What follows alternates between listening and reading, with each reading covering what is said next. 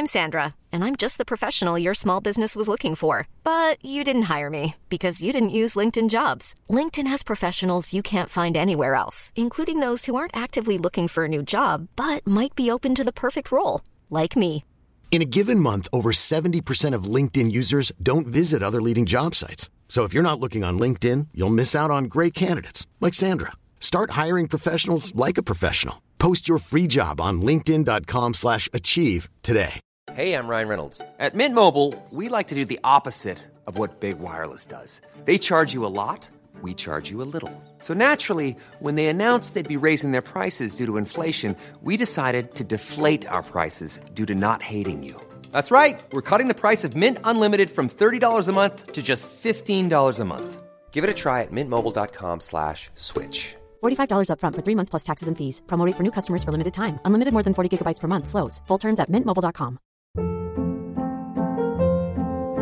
Hold up. What was that? Boring. No flavor. That was as bad as those leftovers you ate all week. Kiki Palmer here, and it's time to say hello to something fresh and guilt-free. Hello Fresh. Jazz up dinner with pecan-crusted chicken or garlic butter shrimp scampi. Now that's music to my mouth. Hello Fresh. Let's get this dinner party started. Discover all the delicious possibilities at hellofresh.com. Halloj halloj, det var Micke Målan här. Eh, skulle bara ge lite försnack här inför det här avsnittet. Och vi kommer även släppa ett avsnitt nu på måndag. Och så förklara varför. Det är så att idag ska vi prata lite gängvåld och lite grejer med våran härliga, härliga gäst Erik Nord. Erik Nord, vår polischef här i Göteborg, han har ju varit med, det här är andra gången han är med nu. Han var även med i avsnitt 67. Och det är, var någon gång där 2018, januari om inte jag har helt fel. Och det tycker jag verkligen ni ska gå in och lyssna på. Det är ett riktigt bra avsnitt att lyssna på om man nu gillar den här typen av snack då. Eh, det att vi har Erik Nord med igen, det är för att det har hänt så mycket på den här ska vi kalla det, marknaden med, med gängvåld och sånt. Det eskalerar ju bara mer och mer. Eh, och både jag och Glenn, vi, vi tycker det är väldigt intressant. Inte att det eskalerar, men varför ser det ut som det gör här i samhället idag? Eh, men det är så här att på måndag då har vi ett stort, stort, stort kalas. Jag och Glenn ihop med då Mattias och Niklas Andersson bland annat. Plus dessa gubbarna ska man vara gäster då i avsnittet på måndag. Peter Ivers och Daniel Svensson. De brygger ju öl. Inte vilken öl som helst. Det är de som ihop med oss tagit fram Götenna-ölen. Och på måndag nu så släpps den på Systembolaget äntligen. Så sitter du uppe i Kiruna och lyssnar på det avsnittet och känner att fan jag vill också dricka en Götenna-öl. Går du in på bolaget, klickar, eller du kan sitta på nätet, klicka hem ölen till ditt bolag där du bor. Och då spränger det om du beställer en, tio eller femton. Det kostar inte mer ändå. Utan de tar dit den helt enkelt. Plus du kan be ditt bolag plocka in öl och ställa upp den på hyllan också. Det är bara att göra det. Sök bara gött öl och jag lovar dig, det är en god lager, en riktigt god lager och den ska njutas när man dricker den. I goda vänners lag gärna helst också då. Så på måndag nu kommer ett avsnitt där vi kommer att prata mycket öl, musik och lite grejer då med Peter Ivers och Daniel Svensson från In Flames. Uh, jag vill egentligen bara säga god lyssning nu och ha en jävligt skön helg nu. Nu är det snart, snart hemgång i dessa covid-tider då. Och vi kommer att prata lite covid i det här avsnittet idag. Och det här avsnittet spelar vi in den 19, måndag den 19 oktober. Det var innan den jävla coviden slog till med kraft här nu då. Eh, jag och Erik hade lite teorier om detta. Om vi har rätt eller fel, det vet vi inte, men vi hade lite teorier om det. Tyvärr idag så är ju enda ishockeylag drabbat då, bland annat då. Eh, men det här var, våra tankar var innan allting slog till. Och ursäkta för det dåliga ljudet i början. Men det är så att vi plockar upp utrustning samtidigt som vi spelar in. Så min hund sitter här och gnäller också. Det har vi också fått ett mail om. Att det är en ylande jycke i början då. Men jag ska läsa upp det i något avsnitt framöver. God lyssning nu och snart är det helg. Man ser, jag håller på att formulera något och det hänger ihop med gängkriminalitet där. Men eh, det, jag vill inte ni ska förstå det. Men jag kan... Eh, du är med Glenn lite grann där, för VM i Italien spelades 1990. Ja, då gick det åt helvete. Ja. Scandinavian Star. Och så en film. Kommer du ihåg vilken film som kom 1990? Det gör man ju inte. Men Pretty Woman kom då. Jaha, men... För oss, för oss som är gubbar nu Ja. så är ju inte, det är ju inte oändligt långt tillbaka. Nej. 1990. Nej. Men du vet, om någon hade sagt det när jag 1990 var jag 29 år. Hade någon sagt 1960 så hade jag tänkt fan det är ju jävligt Ja, länge sedan. exakt. Och det är ju det man måste ha med sig, det perspektivet. Men Ja. om du vänder 1990 de 30 åren framåt. Mm. Då hamnar du på 2050. Då kommer Sverige ha 12 miljoner invånare, räknar de med. Och vi kommer ha bekymmer med, ja, får vi inte rätsida på det här? För redan 1990 visste vi att Hjällbo, Hammarkullen, Lövgärdet, Biskopsgården, det var, det var ju sådana här urbana utvecklingsområden. Men, eh, eh, och vi har ju gjort massor. Kommer du ihåg Blomman han Leif... Eh, Ja, ja. Ja, ja, det ja, pengar och det var Ja. urbana utvecklingsområden Ja. alltihop. Men det har ju inte blivit bättre i områdena. Va? Och bryter vi inte det så, eh, så är det ju han, jag skrev Svensk Maffia där, då gav han... I Eh, den här boken eller? ja, Ja.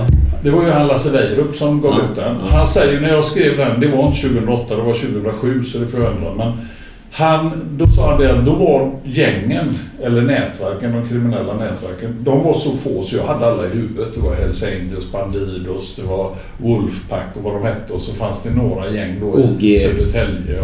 Jag tror inte OG hade kommit 90 men du vet där Nej, någonstans. 90, Eller nej. 20- Nej. 2007. Ja, 2007 hade de kommit då. Ja.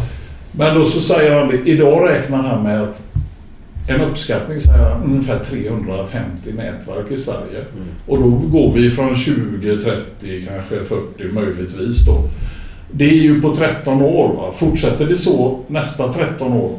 Det jag tror att... Då är det inte det optimala direkt. Nej, och det, det är väl det som vi ska prata lite grann om idag. Jajamän, yes. Och då, då kan man väl fundera över vad fan behöver vi göra nu då?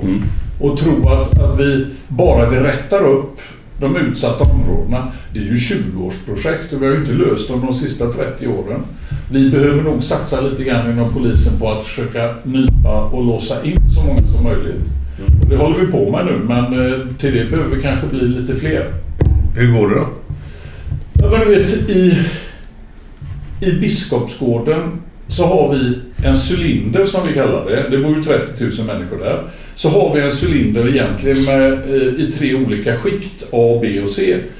Och så säger vi att vissa aktörer är, de är drivande, det är ju han. Och sen så har du då hans, de som utför morden och sen har du de som springer ärendena. De blir liksom flera skikt och det yttersta skiktet kan ju vara en, eh, en kille som är, liksom är 14 år eller något sånt där. Vi har 150 sådana i Biskopsgården. Och det är allt ifrån eh, den som är de som är 150, ja, då, av dem så är ungefär... Ett tag hade vi 46 sittande inlåsta av de 150. Det är jävlar inte dåligt va? Nej. Nej. nej. Jag Ja. tänkte på det, den bilden jag har här bakom. Alltså BMW-ligan som du skrivit där. Ja. Grejer, va? Det, det, det är så... Det är det egentligen människor borde få se, alltså en tidslinje. För då är det lättare att... Åh jävlar vad det har hänt mycket.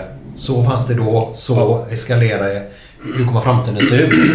För när man hör på nyheter och sånt, det är så mycket information att ta in så folk orkar inte Nej, nästan. nej. Och det är väl det som jag tänker de, de åren som jag ska jobba kvar med de här frågorna i vart fall då, så tänker jag det gäller att få in det här i huvudet på oss för att vi är på väg in i en situation där, där emellanåt så hör jag till och med statsministern säga det är polisens uppdrag och vi kan ju fan inte lösa varenda uppdrag i hela Sverige. Vi kan inte rätta upp områdena va. Vi kan låsa in de som begår brott om vi får tillräckligt med poliser. Men du vet att se till att folk går ur skolan eller skaffar sig ett jobb eller eh, något liknande. Det där löser ju, integrationen löser ju inte polisen. Nej, nej, nej, nej, nej. Utan det är ju, ett, det är ju gigantiskt. Eh. Jag hade förra veckan var en riksdagsledamot här, Robert Hanna heter han. Han har assyrisk bakgrund, uppväxt i Tynnered och i Hjällbo. Sitter för Liberalerna nu och är integrationsansvarig där. Han, han säger ju det att, du vet, jag tror inte, eh, alltså Sverige har förändrats så sedan 1990 för den har ju stått där sedan dess. Ja. Så det är inte samma land säger han. Och det är förändringen genom migrationen som har gjort det och det spelar ingen roll vad vi tycker. Det, det är ju bara är ett helt annat land då. Ja. Och det är det jag vill ha. Alltså det där... Man måste ju säga så här ser det ut faktiskt. Och det är väldigt viktigt för... Ja, men det är ju går- bara att vara ärlig för fan. Ja, men går man runt hela tiden blir det ju ingen förändring. Nej. Man måste ju vara, vara, Absolut. vara assyrier där just i Frölunda. Jag är uppvuxen i Frölunda också och det var ju jättemycket assyrier. Och de älskar ju att spela om pengar. Ja. Ja, men det kommer ju från deras, om man säger, kultur. Ja. Så de på alla svartklubbar och sånt satt ju alltid alla assyrier då va? Men de gjorde det, bakade pizzor på dagarna och så satt de och spelade kort på Det var första gången jag träffade på det begreppet att alla är ju kusiner va? Ja. Du vet, Fredrik. Alla sätter alla. Ja. Nej, en. Nej men de, de, det var ju ett helt annat begrepp för kusiner. Nu är det fredag. Nu är det fredag!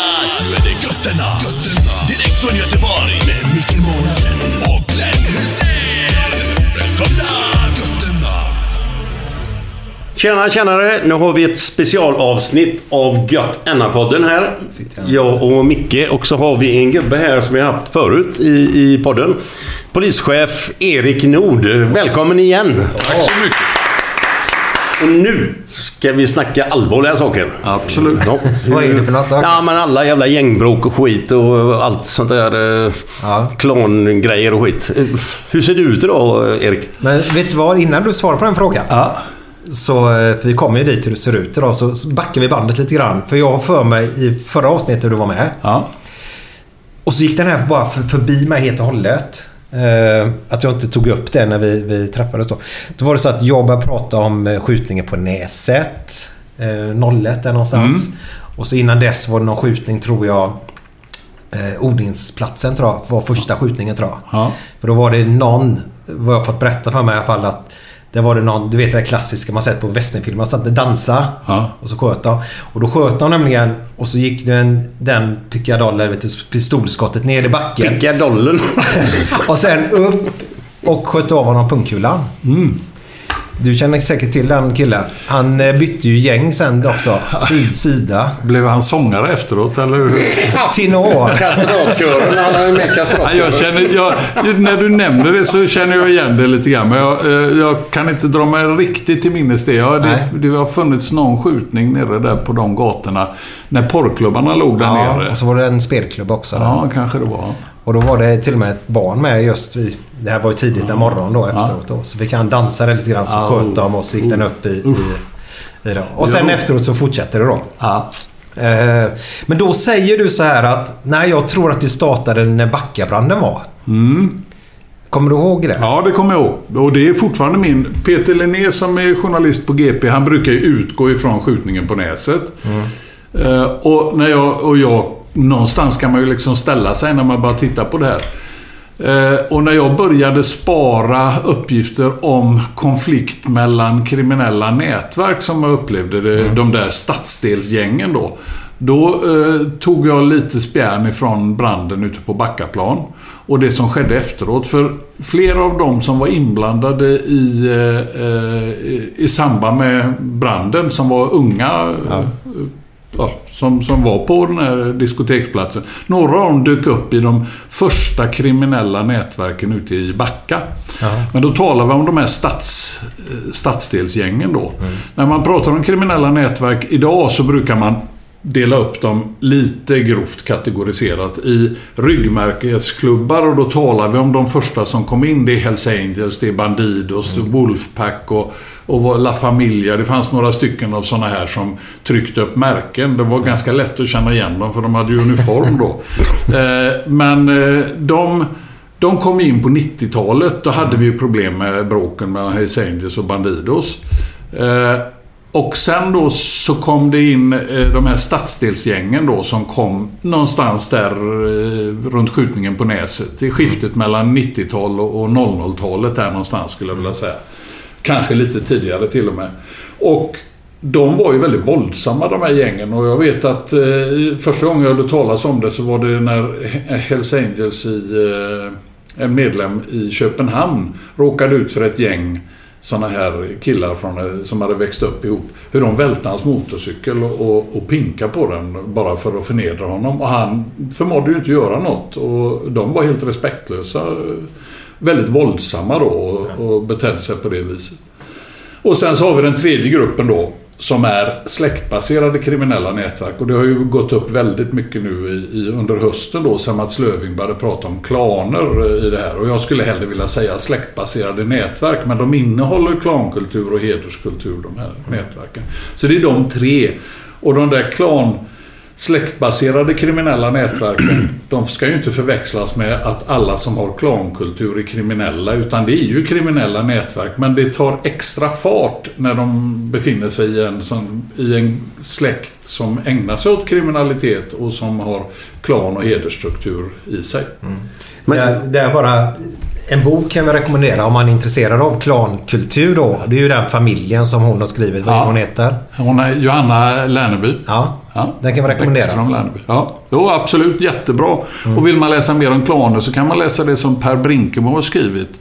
Uh, han är en journalist som och författare som lärde sig om det här nere i Malmö när han lärde känna somalier och förstod hur det här klansystemet fungerade. Och Både på gott och ont för att eh, det finns en, en, bra saker med klansystem. Framförallt om man lever där, där det inte finns någon fungerande stat. Och det har han beskrivit ganska väl då. Han var ju betraktad nästan lite sådär brun i kanten ungefär när han bara pratade om det här. För det var inte riktigt comme il faut att prata om det för några år sedan. Men nu har han ju fått eh, expertstatus eh, i Sverige och, och är med i TV och radio väldigt mycket och pratar om klanerna.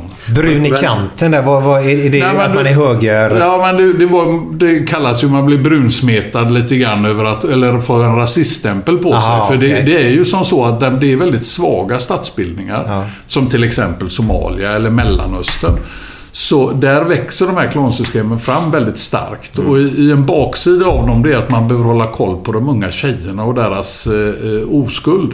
För att eh, det blir en handelsvara när man gifter familjer med varandra och så vill man vara säker på att man inte föder upp andras barn och så vidare. Och där kommer ju den här hederskulturen in då. Det har han beskrivit väldigt väl.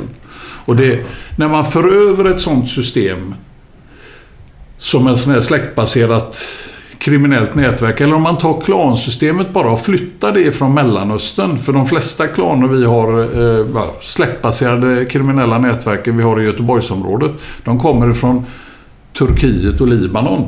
Mm.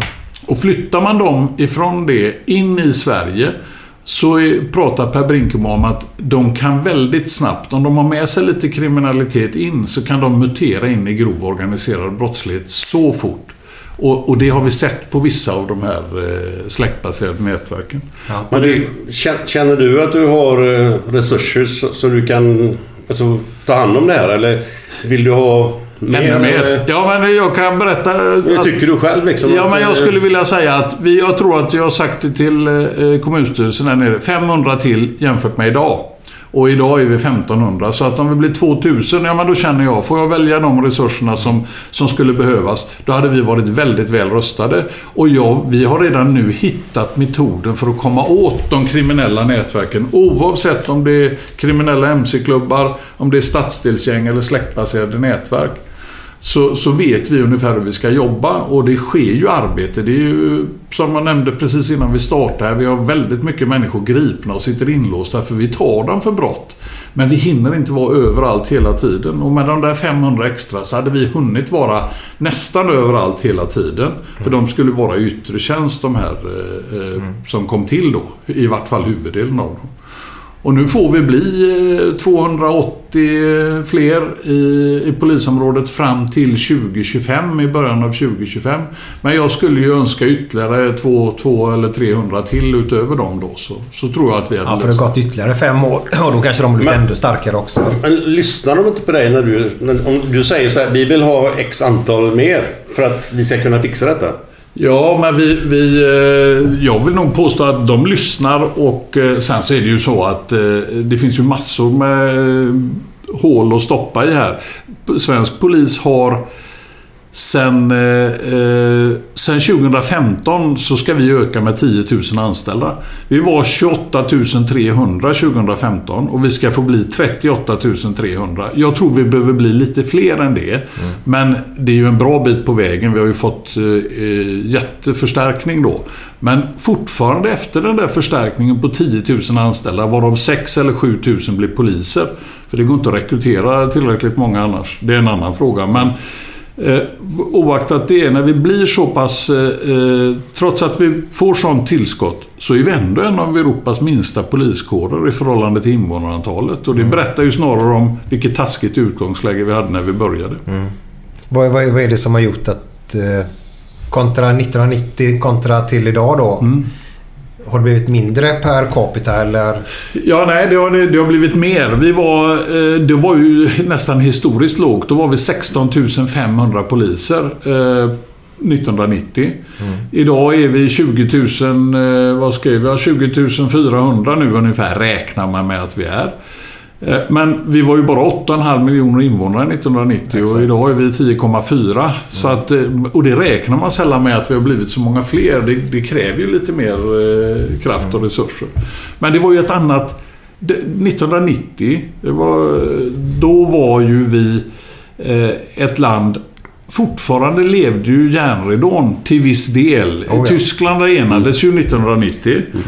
Eh, Men det var fortfarande kvar den. Det gick inte att flytta sig så lätt som det gör idag. Strax efter 1990 så bröt ju krigen ut i Jugoslavien och det var ju en direkt följd av eh, det som... eh, Av östblockets kollaps då. Och sen la vi ner vår försvarsmakt och allting under åren som gick där. Men det var ett annat Sverige än vad det är idag. Idag har vi ett Sverige där det reser väldigt mycket. Vi reser väldigt mycket. Jag menar, jämför era egna resvanor eh, 1990 med vad vi har idag. Jag menar, eh, allt under fem utlandsresor per år är nästan onormalt. I alla fall om man är medelklass som vad jag är.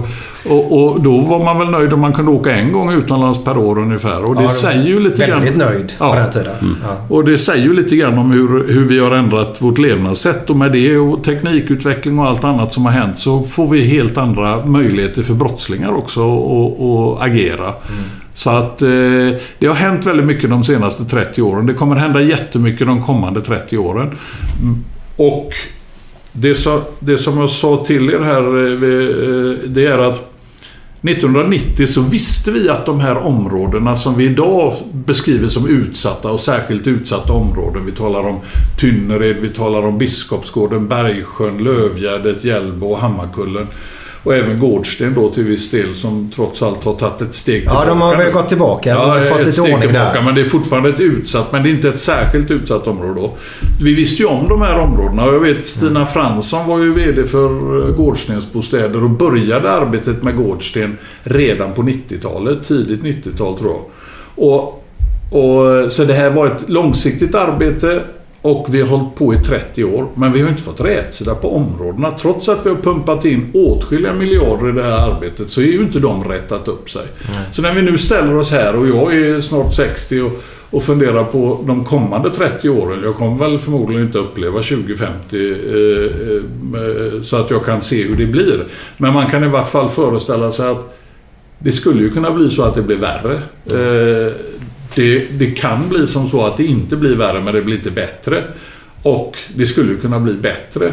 Men vad man hoppas på när man blickar bakåt till 1990 och ser utvecklingen fram till idag så är ju oddsen är ju inte sådär skyhöga över att det ska bli perfekt i de här områdena. Ja, Du pratade ju innan, du har ritat upp en fin bild bakom oss här då Glenn. Eh, framför dig Glenn då, Ja, i jag detta läget. Eh, och då pratade du om vilket år var vi inne på? Det? Var, var det 00-talet att du hade koll på alla gängen i Sverige? Ja, det, var, då, det är ju, vad heter han, Lasse Weirup har skrivit en bok. En DN-journalist. Han är ju kriminalreporter där. En riktigt duktig kriminalreporter för övrigt. Han skrev en bok som heter Svensk Maffia 2007. Då säger han att på den tiden så eh, kunde han ha alla gängen. Eller de kriminella nätverken om man nu vill använda det uttrycket. Då kunde han ha dem i huvudet. Han visste hur många de var och ungefär hur de var konstruerade. Och det var Hells Angels, det var Bandidos, det var, fanns några sådana här fängelsegäng och, och lite annat. Och något nätverk i Södertälje och sådär. Nu räknar han med att idag, 13 år senare, då är de 350 sådana nätverk. Och det är klart att en sån explosiv utveckling tror jag inte kommer fortsätta så att eh, de är lika många. Men säg bara att de eh, blir 500 till eh, om 13 år eh, igen. Och kanske till och med värre. Eh, får mer våldskapital så kommer vi ju stå för helt nya problem. Och det är där gäller att ta lite, lite höjd för. Men det har vi eskalerat ganska mycket i slutet. Våldskapitalet känns som. Blivit råare på något sätt, eller? Ja, de, de, framförallt är det kortare starttider för att tillgripa väldigt grovt våld och sprängningar och annat sånt där. Det är nog för att höja sin egen status också de drar på och vill visa att jävlar, nu ska vi visa att vi kan också. Ja. Men, men alltså, jag är inte rasist på något sätt. Men hur... Många av de här... Det är ju inte Sigge Johansson och Bertil Bengtsson som Nej, det, stökar är, till det, det. är, Utan det är, det är pojkar med som- invandrarbakgrund. Ja, och, Mm. och det, men det får man ju inte lov att säga. Jo, jo, jag sa ju det precis. Jo, jo, jag menar... Det, om Jo, jag men- säger det så är det ju... Nej, nej, nej. Nej, men jag tror inte faktiskt det. Glenn. Idag får man lov att säga det. För det känns som att det är öppnare att diskutera det faktiskt. Att, att det, det ligger i, i tid idag. Ska man kunna göra något åt det så måste man kunna prata om det. Ja. Men samtidigt så måste man också komma ihåg att stora, stora delar av, av den befolkningsökning som vi har sett från 8 till 10,5 nästan som vi är idag. Det är ju eh, ren och skär migration in till Sverige. Så att Sverige ser helt annorlunda ut. Och det är inte många som är kriminella av de som har migrerat hit. Men däremot är stora delar av den här nätverkskriminaliteten den är koncentrerad runt unga män med invandrarbakgrund. Men jag tror att det bara nästan blir dags att man... Invandrare blir ett allt för flytande begrepp också. För det omfattar så många olika människor. Och även om man åker ut till de absolut mest utsatta områdena. Ta Biskopsgården då. Nästan 30 000, eller Bergsjön som har 30 000 människor. Eh, Nej, förlåt. Det är Biskopsgården som har 30 000 människor. Så är det 150 av dem som vi räknar med mm, finns någonstans i, eh, i olika ringar runt den här kriminaliteten. Och det innebär ju att alla de andra inte är i de här ringarna då. Så att även om man växer upp väldigt utsatt och man har invandrarbakgrund och allt så blir de absolut flesta av de människorna blir inte kriminella. Och det ju, känns ju jävligt orättvist om det är på något sätt om att ja, det är bara invandringens fel hela tiden. För så är det inte. Däremot är det en bristande integration och det är lite fippliga straff och det är taskiga verktyg och för få poliser bland annat som jag ser är orsaken till det. Men det gänget som kom på 70-talet som slet och jobbade som fan på SKF och Volvo. Vad, vad hände med dem? Ja, men väldigt många av dem italienare och jugoslaver. Ja, ja, finnar och... Ja, och- men vi hade lite bekymmer även när Var jag det började här. Okej. Med, och framförallt med Jugoslavien. Juggemaffian hade Ja. väl på 80-talet och 90-talet. och om Men man det var ju inte den som är nu. Det är ju inte så eller? Nej, inte riktigt så. Men du vet, vi De, hade... de ville väl jobba de här som kom hit? Ja, men vi hade en precis när jag kom hit, eller om det var precis innan jag började vid polisen, det var nog 81 då. Jag jobbade nog på häktet den sommaren. Då var det ju ett par juggar som sköt nere på Avenyn. Och det var, jag tror de sköt ihjäl någon där nere. En hade, jag åkte med honom upp till Sahlgrenska. Han hade ett jätteär efter en kula som hade tagit och gått ner. De var riktiga gangster. Det var ju såna här. Det var ju Arkan-typen. Arkan var ju här också och Ja, ja. röjde och sådär. Så att vi, det var inte som så att allt var som eh, Bullerbyn här bara för... utan vi har haft vår beskärda del. Men Ja, som ja. sagt var det där snabba sättet som jag tror jag nämnde det förra, förra gången att 2015 så fick vi ju människor som som gick, billigt talat, gick ifrån eh, från Afghanistan till Sverige med hjälp av mobiltelefoner och, och kommunikation. För det är ju ofta det som har eh, satt gränsen. Och, eh, och jag menar den där IT-tekniken har ju gjort jättemycket bra. Vi har fått billigare flygresor så vi kan resa överallt för det går att beställa på, på nätet och det har pressat tillbaka priser. Vi kan köpa grejer och, och konsumera och massa saker. Men det är också som så att de som inte har de resurserna runt om i världen de blir ju varse att de finns. För överallt så har ju alla en mobiltelefon och nu har väl alla en smartphone och kan sitta och titta. Så här ser det ut i Europa och så sprids det och så börjar man att ge sig av emot eh, ett bättre liv då. Och i den rörelsen så är det rätt mycket kriminalitet som kommer in också. Så att eh, det här är nog något vi kommer få leva med. Det är väl mycket droger också, eller? Ja, det, hela systemet med den här nätverkskriminaliteten, den är ju Bränslet till den är ju pengar. Och när man talar om pengar och kriminalitet så kommer narkotika omedelbart in. För det är så fruktansvärda avanser på det.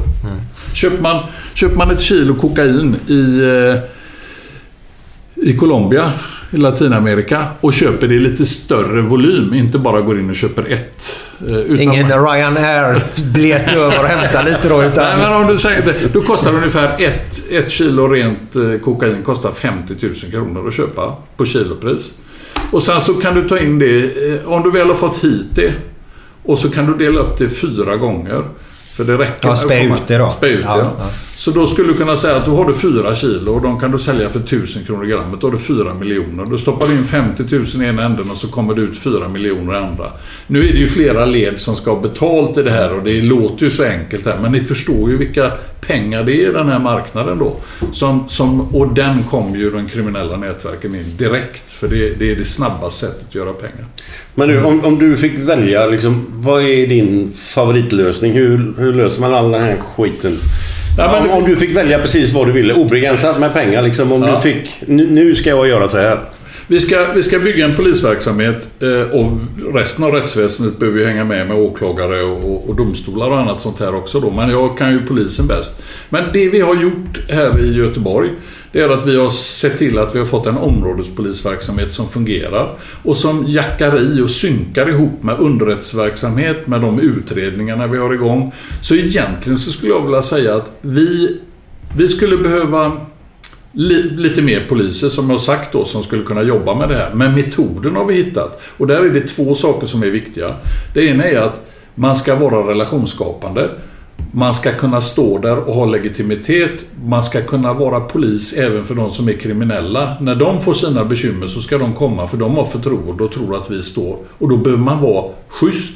Men man ska vara gränssättande. Man ska ta dem när de gör brott, men man ska inte vara stygg och dum. Och sköter man bara det och får ihop det, då får man en legitimitet. Då kan man vara ganska mycket poliser om alla bara sköter sig. Ulf som är chef i Nordost, han säger ju, det låter ju inte trevligt, men han säger vi ska vara äckligt korrekta. Det är en, ja men det ska vara verkligen så. Och då tror jag att man kan komma till rätta med det här. Eh, så att det inte blir en polisstat, för det vill vi inte ha någon av oss. Sen behöver vi eh, lite vassare lagstiftning. Jag tycker att vi skulle kunna få reda på hur bilarna kör i stan via alla kameror. Det kan vi få reda på. Tekniken finns väl? Eller? Ja, ja, ja.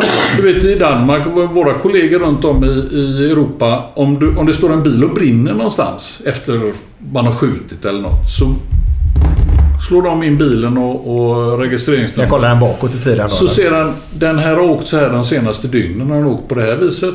Och de kan till och med se om den har åkt i sällskap med några andra bilar. För det kan han räkna ut eh, via några algoritmer då. Ja, just det. Och du vet, och, och då kan de till och med få reda på vilka andra bilar har åkt förbi platsen och liksom åkt därifrån och sådär. De kommer ju liksom jättesnabbt med på knapptryckningar och vi får bara knacka dörr och hoppas att någon har sett något. Det är den svenska modellen och det finns återkommande på några ställen i vår lagstiftning där vi får göra ett jättehästarbete för att komma fram till sånt som andra länder trycker på en knapp och får reda på. Och det skulle jag vilja komma åt de här Ja. grejerna. Man skulle till och med kunna tänka sig att, ja, att vi kunde få följa vilka telefoner som åker och rör sig över ytan. Det vet ju telebolagen redan idag, så så jävla hemligt är det inte vem som eh, eh går och bär på den telefonen. För det vet ju de om och de kan nog lyssna på den också. Eh, om de vill, de här stora bolagen då. Men vi får inte ens reda på, på... Vi behöver ju ett domstolsbeslut varje gång vi ska gå in och hämta några uppgifter i det här häradet. Men om man bara sa som så här att vi, vi får koll på fordonstrafiken, vi får koll på telefontrafiken och vi får göra analyser ur det materialet. Så skulle den ju kunna tala om datorn ganska snabbt att Titta här, nu åker det två nyinköpta kontantkortstelefoner i en hyrbil som åker i sällskap med en bil kopplat till ett kriminellt nätverk. Nu är det något på gång och de är ute och åker nu. Det kan, det kan ju en sån här dator hålla ordning på. Oh, ja. Och det hade vi behövt. Ja, och du vill ha det nu. Går det bra i covid-tiden Glenn, eller? Ja, men det är inga problem. Nej, nej, nej. Det är vatten. Jag satte lite vatten i halsen där bara. Eh, Men du, om vi vänta, vänta, vänta, andas nu lite. Han är så arg här nu. Eh, Du vill ha detta tillgängligt utan att ett brott ska begått, som man säger så. Ja, i rena underrättelsefasen. Ja. Ja. det- Att vi, jag säger inte att det är inte så väl genomtänkt så att jag, jag kan säga att jag har ett färdigt system. Men alltså bara tankesättet över att jo men det vore... I England, det, det här har man i England. När jag kom in, det stod att en, en äldre dam. Hon såg inte ut att vara tekniknörd. Hon hade plisserad kjol och var gott och väl över 60 år på en ledningscentral i England där. Och då hade hon ett shadow program. Så hon sa det, hon valde ut en bil och så sa hon, titta här. Ja. Nej, nej, nej. Vi valde några bilar som åkte där. Och till slut kom vi fram till att till en bil sa jo men den har åkt i sällskap med den här bilen. Jaha. För det programmet höll ordning på det. Du vet när man har kört förbi 14 kameror och är en minut före eller en minut efter så säger programmet att det här är inte slump. De åker ihop de här bilarna. Bara sådana saker skulle kunna hjälpa oss enormt mycket tror jag. Har vi för mesiga straff i Sverige? Ja, det har vi. Därför att straffrätten i Sverige är skapad eh, från ett 60-talsperspektiv och med väldigt mycket av det där goda samhället som man vill bygga. Eh, där man tänkte sig brottslingen som en, eh, en missanpassad kille som det var synd om. Och han, om får han bara, för det är ofta han. Får han bara rätt hjälp så kommer ju han att bli frisk och, och en bussig kille och så vidare då. Men när vi, när vi talar om människor som bygger en kriminell karriär på att utan någon större skrupler gå in och skjuta. Eh, man är 17 år och, och tar åt sig ett beställningsmord och skjuter en uppe i Guldheden som vi hade här om året då. Som gick på NK och shoppade sen för ja, pengarna. precis. Och då tänker jag som så här att den killen är ju... Ja, galen ska man ju inte säga för det är ju fel Ja, uttryck. Men mer eller mindre. han är ju tokig i alla fall i den situationen. Det var inte första mordet han gjorde heller va? Ja, det vet jag inte. Men eh, han- man kan väl säga som så att innan en sån kille väck, han- konsekvenstänket växer in i hans huvud. Då ska han ha passerat 30. Förmodligen upp mot 35 år. Ja, det är ju inte fel att hålla dem inlåsta i alla fall i 10-15 år efter något sånt där. För annars får du ett nytt mord på den killen. Och nu fick han väl tre års eh, sluten ungdomsvård eller något sånt där. Så han borde väl vara ute snart, eh, den här. Och det där känner jag att vi behöver låsa in folk, inte på livstid eh, per definition. Utan, men däremot så behöver vi låsa in dem längre än vad vi gör idag. Och vi behöver ta oss ur det rabattsystemet som innebär att ju mer brott du gör, ju billigare blir det. För det är så det faktiskt fungerar. Mängdrabatt, kan du berätta lite grann om det? Ja, men det innebär ju att eh, om du tänker det som så här att du ställer upp... Eh, eh, en människa har gjort en massa brott. Så säger vi att vi har 15 stycken villainbrott. Och normalstraffet för ett villainbrott är 6 månaders fängelse. En grov stöld. eh, Så får man det. Då får du 6 månader för första brottet. Så på andra brottet är det halva tiden. Och på tredje brottet tror jag det är halva tiden. Och så räknar det ner så att efter sjunde inbrottet, då får du inget mer. Utan då, har man, då, då är det ihopplockat. Jag hänger inte med. Alltså, det, det Nej, är men ju det- mot all jävla logiskt Ja. tänkande. Alltså. Så då vet du om du har gjort 15 inbrott så, så de sista åtta får du ingen straffskärpning för. Så att det, de blir ju gratis då. Och det beror på att man säger att det skulle bli för långa straff. Ja, ja, det kan man ju tycka. Men det finns ju någonstans där det här systemet har spårat ur utefter att det stämmer inte med de allmänhetens rättsmedvetande över att om man gör väldigt många brott Ta, är det en ung kille som begår brott, för det är som jag sa, det är ju ofta killar.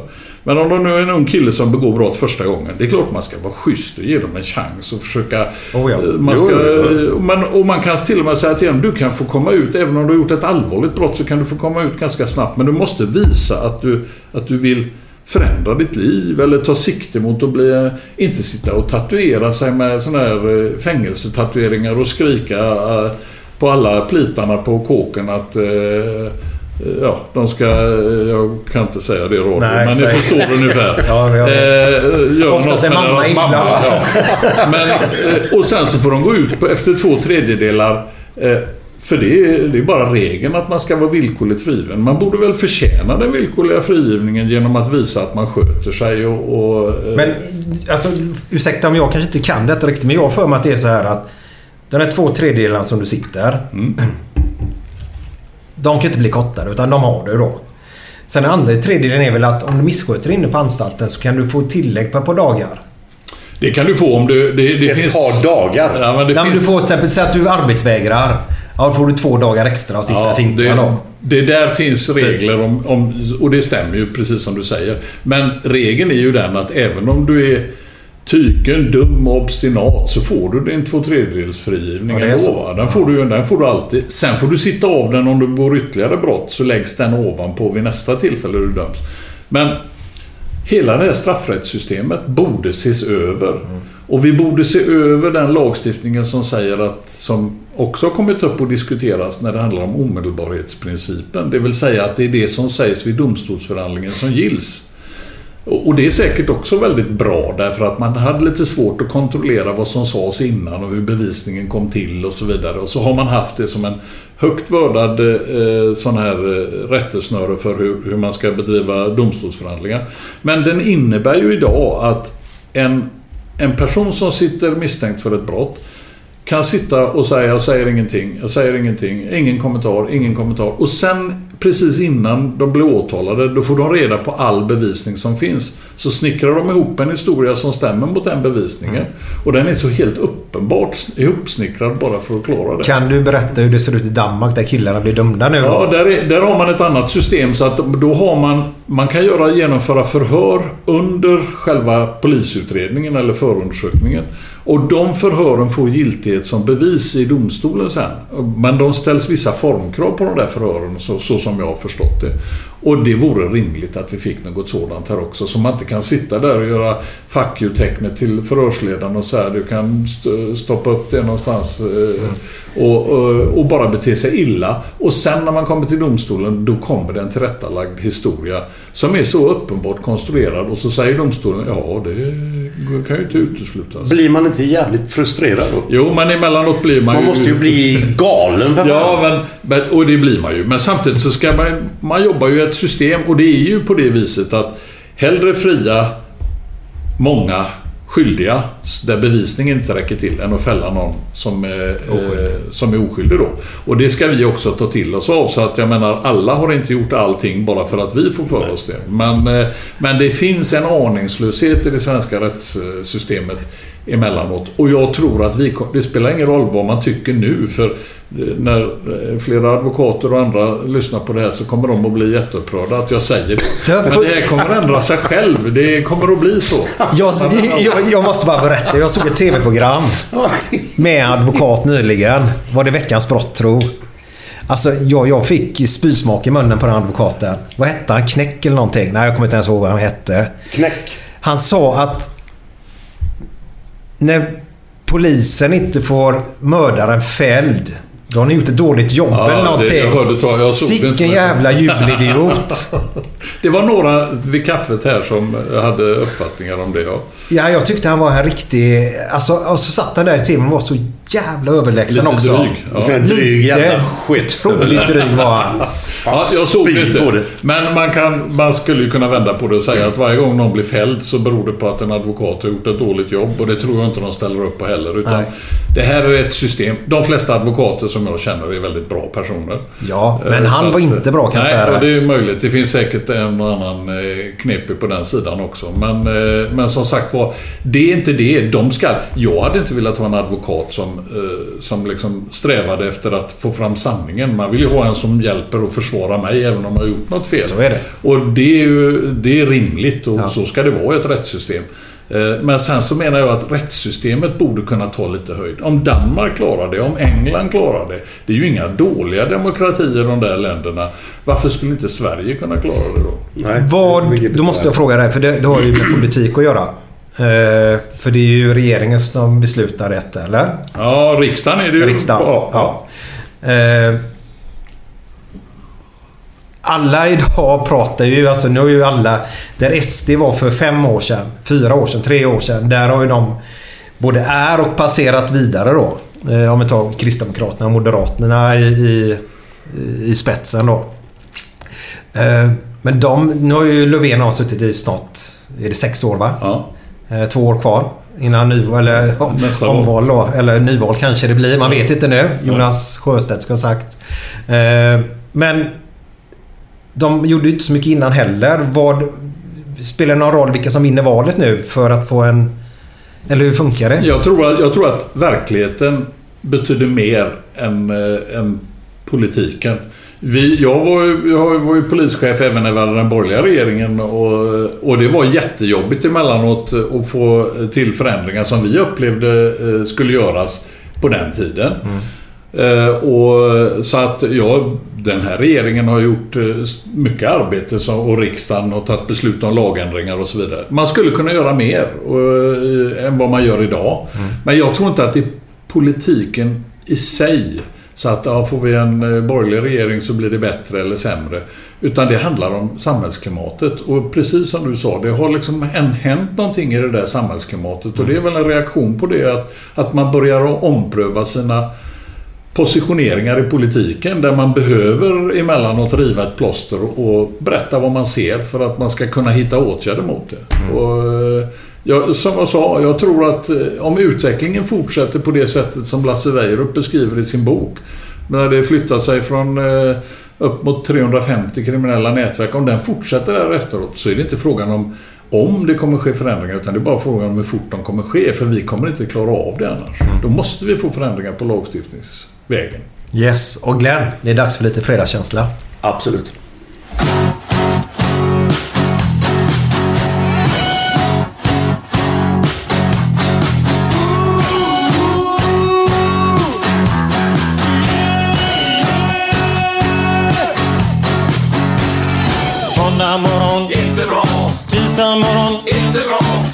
Onsdag morgon, inte bra. Torsdag morgon, det är inte bra.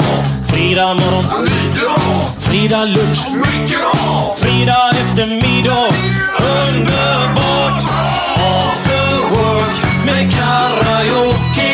Man får en öl och pyttipanna. Fredag kväll och livet leker. Man kan inte säga annat än att jag har det gött nu!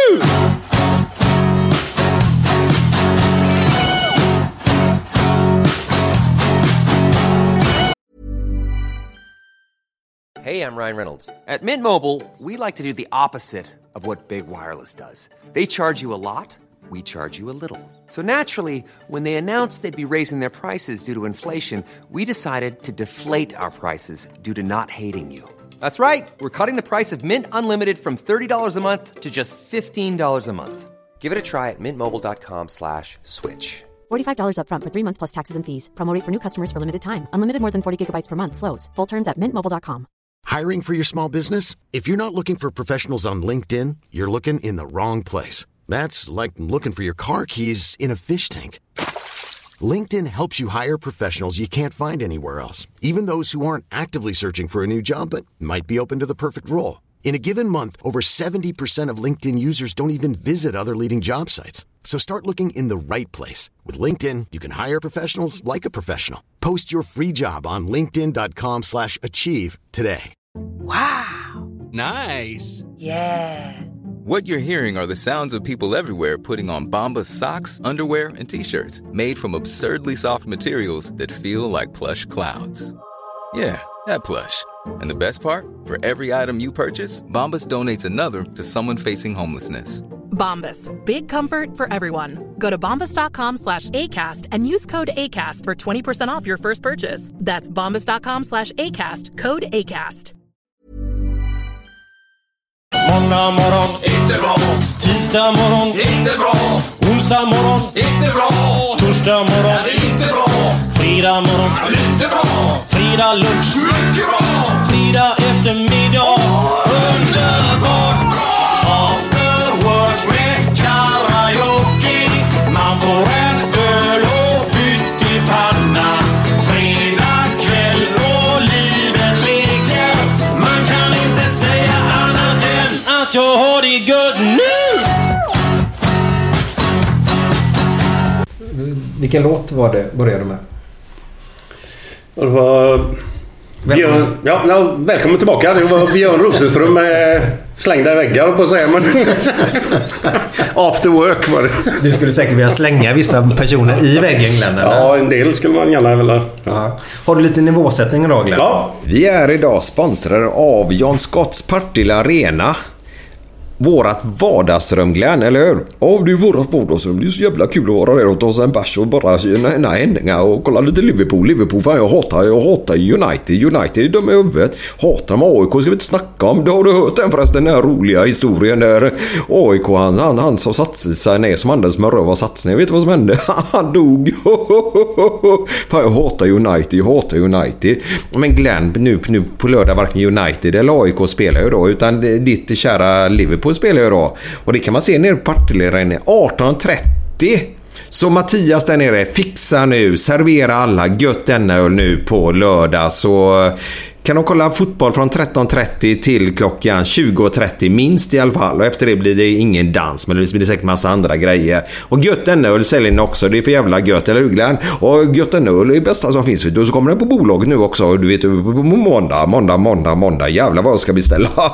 kommer inte finnas någon annan som kan köpa bärs. Jag kommer beställa allt. Ha det gött, ha det gött, ha det gött, gött, gött. Mamma? Ska farfar äta på balkongen? Ja, åldern tar ut sin rätt. Den tycker jag är skitgod. Ja, ja, ja. Jag kan en till. En känd artist som kunde mycket om ström. Vet du vad det var? Nej. Elvis. Ja. Han är Elvis. Hade du någon på gång där? Nej, nej, nej. Jag Nej. bara, Har du så? Har en förra gången du var här drog du någon om en papegoja och en djupfryst kyckling. Men de här var ju snällare får jag säga. Djupfryst kyckling, ja, Ja, ja. du I frysen. Vi får väl ta och lägga in den här grillade kycklingen då i eh, frysen. Men eh, vi spelar upp det från eh, 2018 då. Glenn. Eh, nivåsättning sen. Ja, ja. Nu direkt eller senare? Ja, men du hade ett namn också på den ytan eller någonting. Ja, ja, ja, ja. Den här har du säkert hört. För det här är ju en gammal sak. Men det finns ju ett allmänt namn på det som går emellan polishuset och Ullevi. Det här är Ullevi. Eller där menar jag, förlåt. Ja. Den, den ytan som är emellan Ja, där. ja. Den går ju under ett speciellt namn. Nej, det, Det har du inte hört? ja, det kanske, men jag, inte så att jag kan... eh, Ja, de brukar kalla det för straffområdet. Straffområdet. Ja, du ser. Det är, ja, det är bra. Men den trodde alla visste. Glenn tycker den är roligare som vanligt. Kan jag vara en riktig nivåsättning nu då? Ja, då ska vi bara, bara en fråga. Vi har en praktikant med oss idag, Maja. Behöver hon hålla för öronen, Glenn? Nej, det är inte så farligt idag faktiskt. Det var Inte så farligt som det var igår? Var, nej, det var värre igår faktiskt. Okej. Ja. Men vi kan, väl, vi kan väl köra så här då att... Eh, eh, den här kan vara en eh, gammal repris, men det gör inget. Nej, de Nej. är så bra så. För det var så att det var en gubbe som hade en papegoja. Ja. Och den här papegojan hade varit ute och flugit i lägenheten så han hade snott gubbens Viagra-tabletter. Så papegojan satte ju på gardiner och diskhon och hade jävla möbler och golv och allting. Så att han blev ju helt tokig. Ja. Så han blev stollig gubben och sen tog, fick han tag i papegojan så lyste han in, låste han in den i frysen. Och så gick det en timme eller någonting. Så tänkte han, fan jag la ju papegojan i frysen. så han går ju ut i köket igen. Öppnar frysfacket. Där ligger papegojan och flåsar, svettas. Och då frågar gubben, vad fan är det med? Vad har du gjort? Ja, har du själv försökt att sätta på en djupfryst kyckling någon gång? Ja, jag tycker den är sådär faktiskt. Den är- Den är, den är inte riktigt söt, men jag Nej, förstår. nej. Du förstår läget. Jag vill ha haft en söt ju. Ja, vi får ta den senare. Jag får ta den sen. Ja. Eh, Jag kan säga så här, Glenn har blivit snällare med sina Ja, historier. det Han, blivit. så. Det- Han, har, han har tappat det lite där. Ja, man kan ju inte dra vad som helst liksom. Det går ju. Ja, men du satt ju precis och sa i pausen här att du vill ha lite tuffare snack. Ja. Och lyssnarna vill ha lite tuffare historier också Glenn. Tänk på det. Ja, ja, men då, då kan jag ju ta en till då. Jag skulle inte ha sagt det. Nej. Det kom in en äldre dam på en, i en sexshop. Så gick hon fram till dildohyllan. Och kollade så såg hon en blå sak där som stod där. och Så, den skulle jag gärna vilja ha. Och då ropar han gubben in på lagret. Bosse! Bosse! Det är en kärring som vill köpa din termos! ja, den är okej. Ja, den är helt okej. Jag tror många av våra lyssnare har hört den innan, men den är faktiskt väldigt trevlig. Kan, kan, kan du Erik bara förklara för oss. Eh, vi pratar ju nätverk då. Eh, gäng. Hur, hur, hur ser det ut? Vilka, vilka är det som... Jag följer med i den här debatten. Jag tycker det är väldigt intressant och jag tycker det är spännande. Eh, men det känns som att eftersom... Nu är det ju två direkt om du har ett skarpladdat vapen på det va? Vapenbrott. Det var det inte innan. Nej, Och då får ni häkta dem direkt då va? häktas de av domstolen. Och inte Om kommer det- ut innan eh, Då, rättegången. då eller? sitter de inne tills rättegången är Ja, avslutad. och det räcker om man har pickaroll på sig då. Ja, det räcker. Men den ska vara laddad och den ska finnas i en sån omständighet så att man, man kan eh, anta att den kan komma till bruk. Ja. Om, någon, om, någon, om någon åker förbi en bil eller åker efter en bil och kittar iväg ett vapen. Mm, det likadant där. Om det bara är laddat och, och så blir det grovt vapenbrott. Typiskt sett. Okej. Men om du går och köper ett vapen, eh, en prickskyttepistol och monterar isär den och bär den i en låda på stan. Då. Då blir det inte grovt. Det blir vapenbrott om du inte har licens till det. Men det blir inte per automatik grovt vapenbrott. Och, och där har vi haft några domar där där man inte har hittat, eh, eh, vad heter det, de har inte varit laddade och så eh, har man då sagt att nej men då blir det inte grovt brott. Och så, så fungerar ju lagstiftningen. Men du, har, har, har, har du varit i någon sån här krissituation där du kände att jävlar, nu händer det grejer här, nu dör jag? Nej, inte, inte direkt så. Alltså, jag har ju varit på några ställen där jag nästan har skjutit mot eh, en annan. Men eh, när jag var riktig polis och var ute och arbetade. Men eh, jag... Eh, inte, så att, inte så att jag behövde skjuta. Eh, Martin och jag eh, åkte civila en gång och var vi ute vid, kom vi vid, eh, ute vid Gunnebos eh, slott. Där Ja, det, ja. Ja, den är ju rolig den här. Martin han, han var stor och lång och har eh, påbrå från eh, Kroatien. Så han ser ut som en, som en jugoslav ungefär. Och, och så jag då som var lång och stor också då. Vi kom med en Volvo där och så två gubbar i en BMW framför. De körde på en and. Jaha. Och den var ju fruktansvärt illa skadad. Och, och du vet flaxa och for och där i. Så Martin han tar, eh, tar, tar fram pistolen och ska skjuta den. Men våra sitter ju... Pipan sitter ju från, eh, lite, lite längre upp då. Så när han siktade där så sköt ju han så illa så den inte... eh, Han fick inte dö på den för han skulle skjuta den i huvudet. Missade? Ja. Och så så, det, så- jag gick och hämtade spaden och slog ihjäl den då. Så vi har en spade bak i bilen. Och civila då, vi tänkte det måste de fatta vad vi är för några här då. Men, så så då, då var den ene med lite darr på stämman. Han frågade oss efteråt. Är ni poliser eller? och så var, så var det då. Så det är väl det mest... Det var då vi, jag i alla fall var med om att vi av, jag har nog avlivat något annat djur också tror jag. Men jag har aldrig behövt skjuta det. Men däremot har jag varit väldigt rädd i vissa lägen när man har hamnat i de där eh, situationerna där man... Där, som är, och framförallt det som är obehagligt. Eh. Berätta gärna. Ja. Ja, det som sitter väldigt fast hos mig, det, det är två saker. Det var när det var barn inblandat. Ett, ett barn som drunknade i en brunn och då hade jag egna barn som var. Och jag vet brand, brandmännen var där och de fick ju inte upp det för det var en för djup brunn. Vet du. Så att jag undrar om inte det var ett barn med, med blöja. Så att det, ja, det var hemskt innan. Så det försvann ju det barnet. Så att, eh, och jag var med och omhändertog ett par barn en gång och den ene killen där han han blev så fäst vid mig bara över en timme. Han var helt nedsmetad i, i, i avföring. Så att när jag skulle lämna honom på Herrgårdsgatan där i Bö fanns ju ett eh, sånt här barnhem då. Ja. Som drevs eh, av staden. Så han skrek så hjärtskärande vet du för att eh, han liksom hade bara tytt sig till mig under, den, här, under de, den timmen som jag hade haft hand om honom. För jag virade in honom med ett lakan för han var så grisig då. Och så höll jag honom medan vi åkte dit då. Och det vet jag ju att det var ju en... Eh, det kändes rätt jobbigt också. Och jag åkte hem på bussen och luktade barnbajs. Och, och, och så var det en undrar man hur det gick för den där lille killen då som försvann. Sånt är ju obehagligt men eh, ja, så Alla, vissa säger ju att alla har samma förutsättningar. Jag säger att alla har inte samma förutsättningar. Vad tycker du? Nej, jag tror inte det heller. Utan det är klart att väldigt många av dem som råkar illa ut och är kriminella, de kommer ifrån väldigt trasiga förhållanden. Och om man, om man har en pappa som eh, slår ens mamma och slår en själv. Så är det klart att då ligger våldet mycket närmare än om man har, eh, växer upp i en kärleksfull relation. Och det där har inget med... Min bild är att det har inget med, med pengar att göra utan det har att göra med hyfs och vett. Och det finns överallt. Men det saknas också överallt i samhället. Så. Mm. Nej, vi var inne på gäng där. Det var det jag skulle komma till att...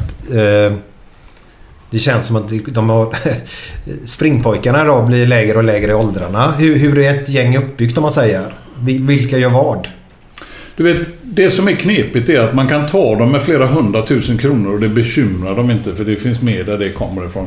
Men som en av cheferna sa, så kan, samtidigt kan man ta dem ett dygn senare då slangar de bensin. Va? Liksom, och, så sådär, det är ju inte så att eh, det är inte Pablo Escobar eller någon eh, sån här Al Capone vi pratar om. Utan det här är ju småkriminella men det har, den här nätverkskriminaliteten har ju baksidan att den blir oerhört fort våldsam.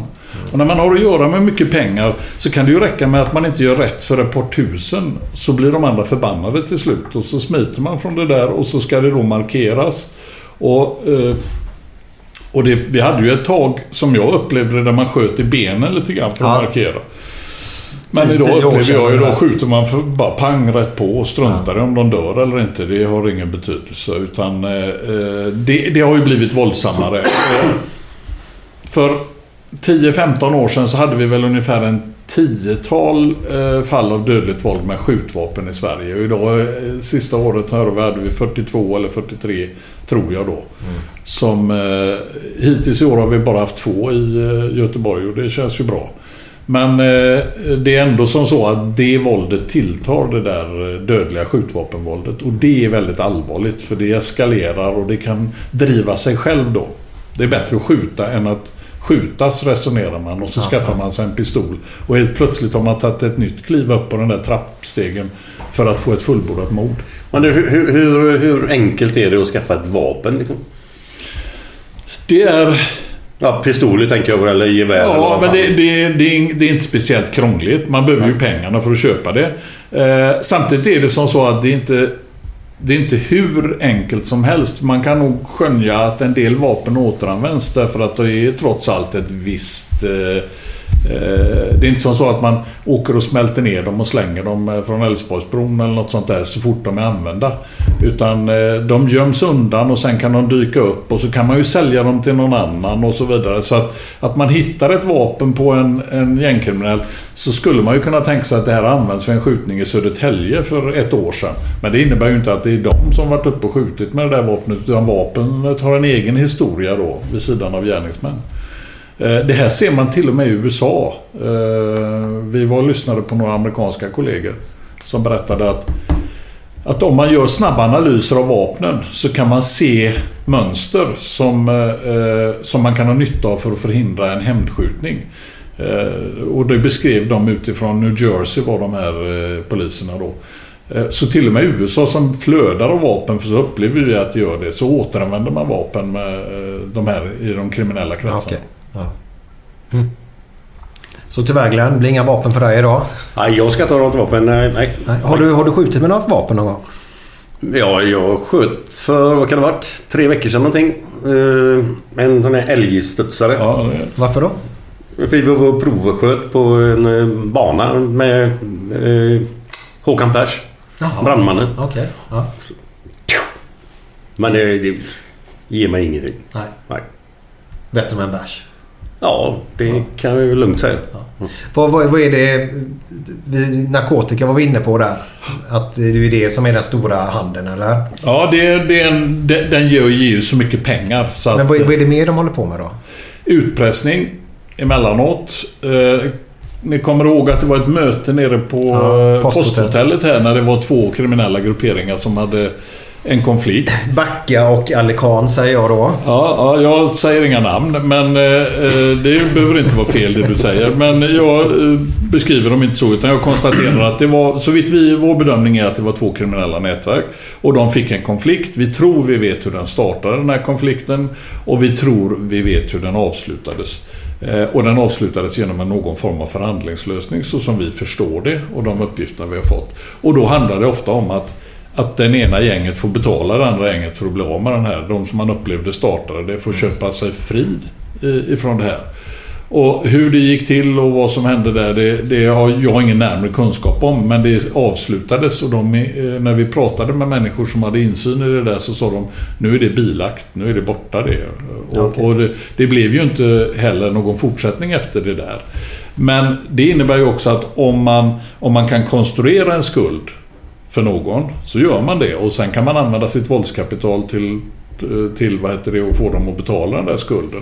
Och det där är ju en form av utpressning som eh, sker. Så att eh, det behöver inte finnas någon riktig skuld från början utan man bara hittar på något. Det är ju som, när, Som Bandido så de börjar Ja. med nästan då va? Men vad, vad, vad snackar vi i pengar då? Alltså, Eller, ja, vi kanske inte vet Ja, men kan man, det, det, inte, inte den där nere, det vet jag inte det vad som händer på post. eller, eller vad handlar det om? Det Eller kan, vad- det kan säkert handla om miljoner om man har... eh, Lite beroende på vilket värde som står på spel då. Eftersom det är så stora pengar det handlar om när det är så... Det räcker ju inte att sticka till någon ett par tusenlappar va. Utan det handlar om eh, stora volymer. Och man kan till och med ta över företag eller eh, sådär om man kan pressa någon ordentligt. Jag tror att det finns en ganska stort mörkertal ibland i, ibland en del av de som inte har så stort förtroende. Om du tänker dig de som är, är, har kommit till Sverige och har med sig en bild av att polisen är något man ska hålla sig undan ifrån, ifrån hemländerna. Och så startar man lite business här och, och så vidare. Så, eh, så tror jag att det finns en hel del utpressning som riktar sig mot dem som vi aldrig får reda på. Mm. Ja men det är det. Det är jag säker på. Jag tänkte på det du pratade om de här två gängen som hade det där på posthotellet då. Och i samband med detta så gör ju faktiskt eh, ja, det, det ena släkt, eh, släktgänget där eh, tar ju över sin, sin stadsdel där ett par timmar och eh, kontrollerar bilar och sånt. Eh, hur, hur, hur eh, är det första gången det har hänt här i Göteborg? Vi har, sett, vi har sett, det här hände faktiskt förra helgen också att vi fick sånt där och då var inte kopplat till den här konflikten. Att vi fick ett eh, område i nordost där man gick ut och stoppade och kontrollerade bilar. Får man lov fråga vilket område då? Jag undrar om det var... Det var det, för de här eh, skedde i Hammarkullen och i Lövgärdet när du talade Ja. om det för några veckor sedan. Jag undrar om inte det här var i Hjällbo. Men jag vågar inte svara på det. Men någonstans, någon av dem där var det då. Och det har vi ju sett att tidigare så har vi kan vi ha sett i Tynnered också att man håller koll på vilka som kommer in. När polisen kommer in, även om man känner ju igen även om vi är civila så känner man igen oss. Så har man lite spanare ute för att hålla koll på det där och så ringer man och pratar och sådär så man inte ska bli påkommen och man vill ha lite koll på området. Men när konflikterna eskalerar för de här nätverk, mellan sådana här nätverk, kriminella nätverk så då, eh, då kan de intensifiera den där bevakningen och det handlar ju inte om att de är rädda för polisen utan de är rädda för varandra då över att det ska braka in några och, och, och attackera dem i, i deras område som de tänker sig det då. Och det var det, där tog det ju sig en liten ny nivå för att nu räckte det inte med att man höll koll på vilka som körde in utan man gick ut och stoppade bilarna och lös in. Och någon av de som rapporterade till oss sa att de såg vapen i det där sam sammanhanget då. Vi åkte ju dit direkt när vi fick reda på det. Och när vi kommer så, så försvann de ju eh, från platsen, sprang från platsen då. Och det är klart att eh, man vill inte bli påkommen med vapen för det får man ju fängelse för direkt då. Men man vill heller inte bli påkommen eh, med att vara tillhöra de här grupperingarna. Så att eh, vi fick ju uppgifterna ifrån de som var stoppade. Vi åkte dit och, och tittade. Men det var en ny nivå. Och eh, jag hörde i helgen, nu var det ju uppe i Stockholm, hade de ju utlyst utegångsförbud efter klockan Tensta, sex. ja. Ja. Tensta. Tensta, eller Rinkeby eller vad det var. Och det är klart att eh, det är också en ny nivå. Och det kommer fram denna veckan och hände i augusti någon gång tror jag.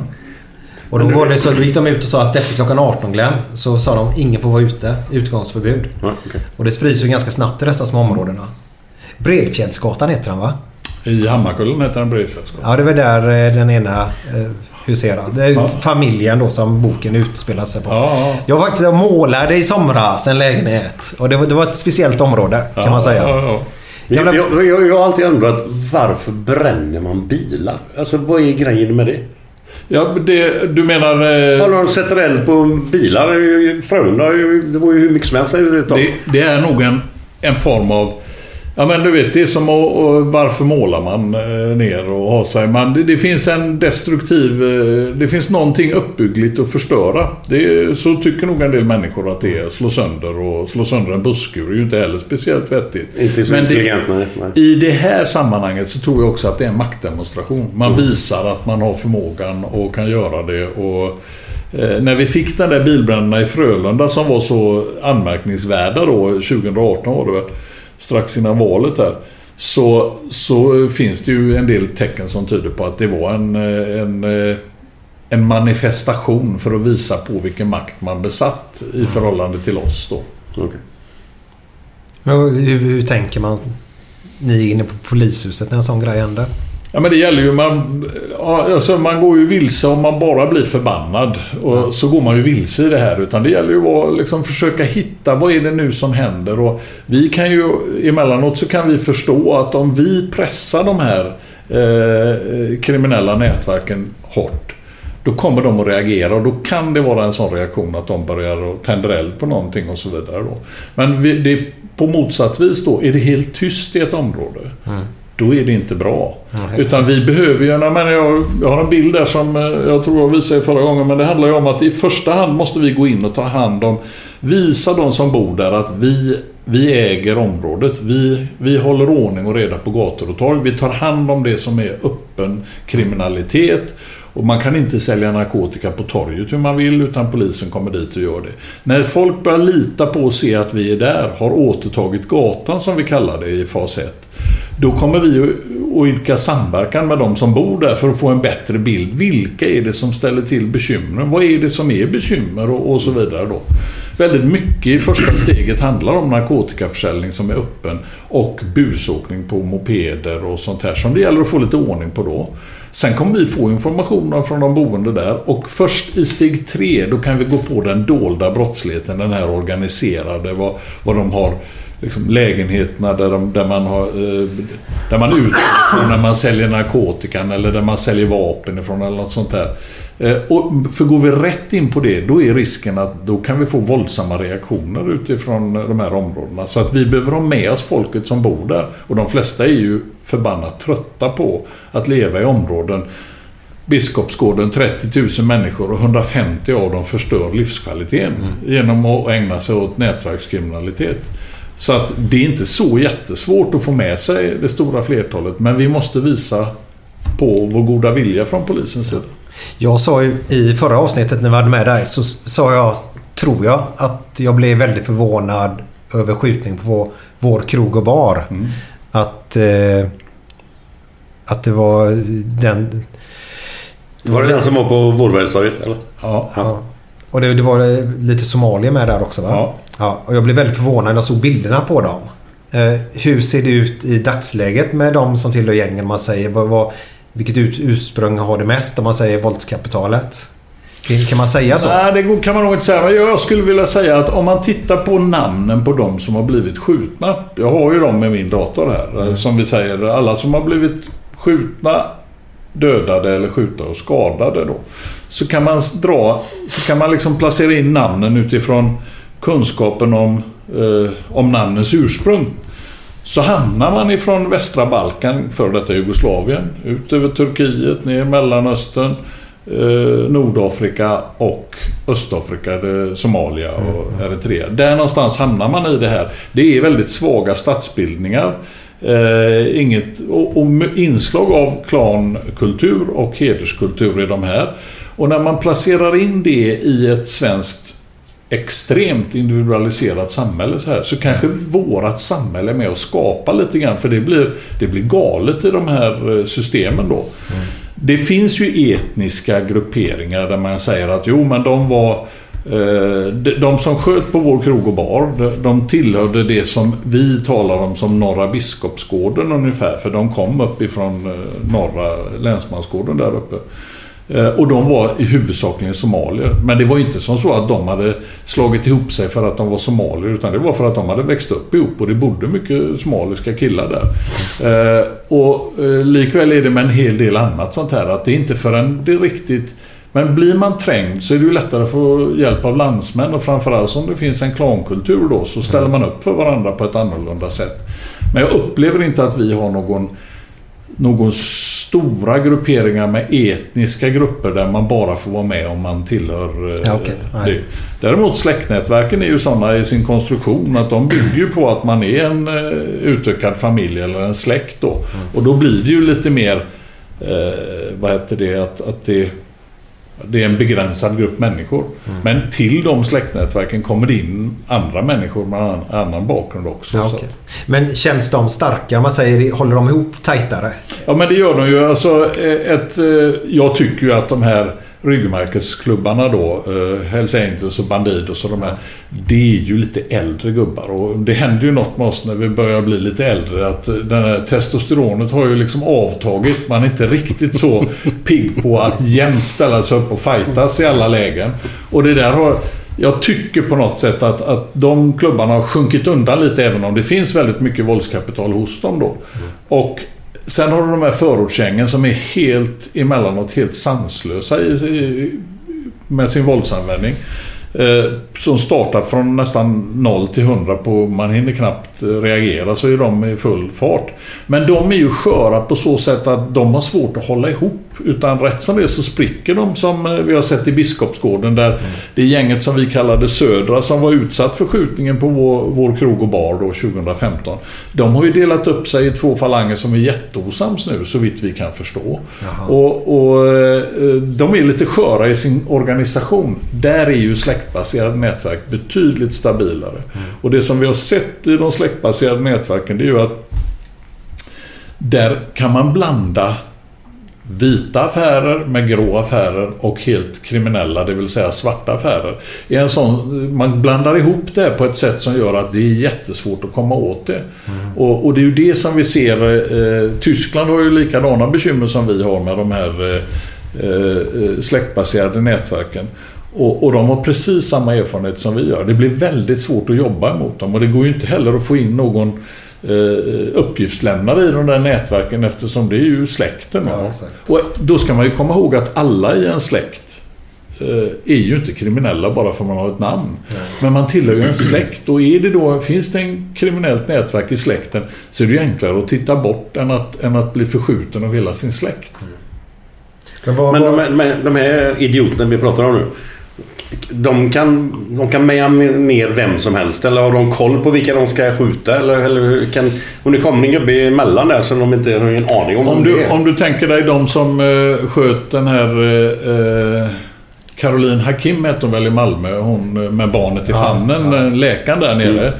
Så verkar det ju som, jag har ingen insyn i den utredningen, men det verkar ju som om där bara eh, tog man henne för att eh, man kom inte åt honom. Mm. Och så är man övertänd, ung, förmodligen jätteung. Och så kanske till och med eh, tryckt i sig något för att öka aggressiviteten just i den och ta bort lite rädsla. Mm. Och så blir det bara, då kan ju det spåra ur fullständigt. Och det var ju det som hände uppe på vår krog och bar. De sköt ju en kille utanför som, det vet man inte riktigt varför det där. Han var inte ens inblandad Nej, nej, nej. Var, han bara gick ungefär, han stod väl utanför där och så då passade de på och sköt honom när de gick förbi. Det går ju inte att svara på för nej, de är nog så övertända i den där situationen. Där kan jag ju säga att ju äldre man blir, ju bättre förmåga tror jag man har att liksom sortera lite i det här. Så att är det något man inte vill ha så är det en 17-åring med en Kalashnikov. Det är bättre med en 37-åring i sådana fall. Även om de kan vara nog så stolliga. Va? Och, eh, kommer man upp lite grann i de här eh, åldrarna och nätverken börjar bli lite mer stabila så försöker de nog undvika att, att ta oskyldiga offer. Det är jag inte säker på att man gör om man är 17 år. Nej, det var väl en 12-åring uppe i Stockholm här nu mm. tyvärr, tjejen där också. Det, ja, det finns ju andra också. Eh, tyvärr. Ja. Det är bara frågan... Eh, när, när, när tror du vi i samhället, man säger vi vanliga medborgare, när, när kommer vi agera till slut? Tror du? Tror vi kommer göra det eller kommer vi bara... Kommer vi bara fortsätta att ha det runt oss? Jag, jag tror att man ska säga som så här. Det är ju lätt hänt att man blir eh, väldigt mörk i synen och funderar på allt som är, mm. bara blir sämre och sämre. Vissa saker blir bättre. Det är inte lika många män som slår ihjäl sina kvinnor. Det är inte lika många män som slår ihjäl varandra när de dricker alkohol idag som det har varit tidigare. Men vi har fått in den här nätverkskriminaliteten som är ett gissel och väldigt svår att bli av med. Får vi inte ryckt upp den lite grann med rötterna så kommer vi få jobba med den här i ganska många år och då finns det ju risk för att, att det påverkar samhället jättemycket. Mm. Och jag menar nu ser vi redan att Sverige börjar ligga i topp när det gäller skjutningar av unga män mellan 19 eh, och, och ja, 20 och 30 år eller om det var 15 och 30.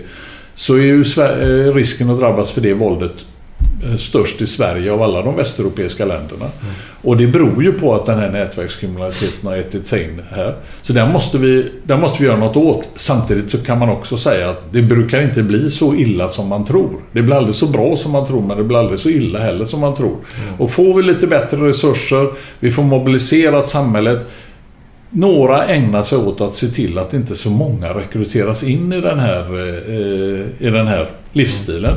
Så ska vi ägna oss åt att se till att de som är i den livsstilen ska sitta inlåsta i högre grad än idag. Så tror jag att vi kan hålla det här i schack. Okej. Det är bra i alla fall. Ja. Får vi hoppas. Men när, när, man, när man, kan ni märka att shit, den killen, vi pratar ju killar nu då, är ju förlorad. Ja, det kan vi göra och det kan man nog, man kan nog se det... Alltså jag skulle säga, man behöver inte ens bli tonåring innan man förstår det här. Nej. Och det är ju, alla föräldrar borde inte få barn. Och de föräldrarna kan förstöra sina barn innan de har blivit eh, tonåringar. Och, och då, jag är ganska övertygad om att både socialtjänst, skola, polis, andra som kommer i kontakt med dem, förskolan och så vidare, kan förstå att det här kommer inte sluta bra. Nej. Problemet är ju att man vet inte riktigt vad man ska göra då eh, i de lägena.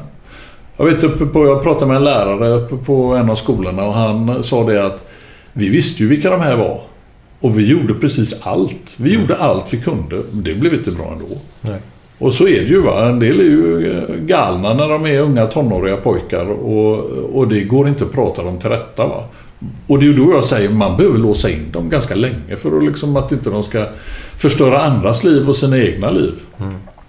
Vad, vad menar du med låsa in dem? Alltså, Jo, men när de begår brott så som man gjorde i, i Danmark nu att är man, eh, även om man är ungdom, och, eh, så blir man inlåst får man ett vuxenstraff. Och så får vi se om man kan släppa ut dem. Det får avgöras av prognosen.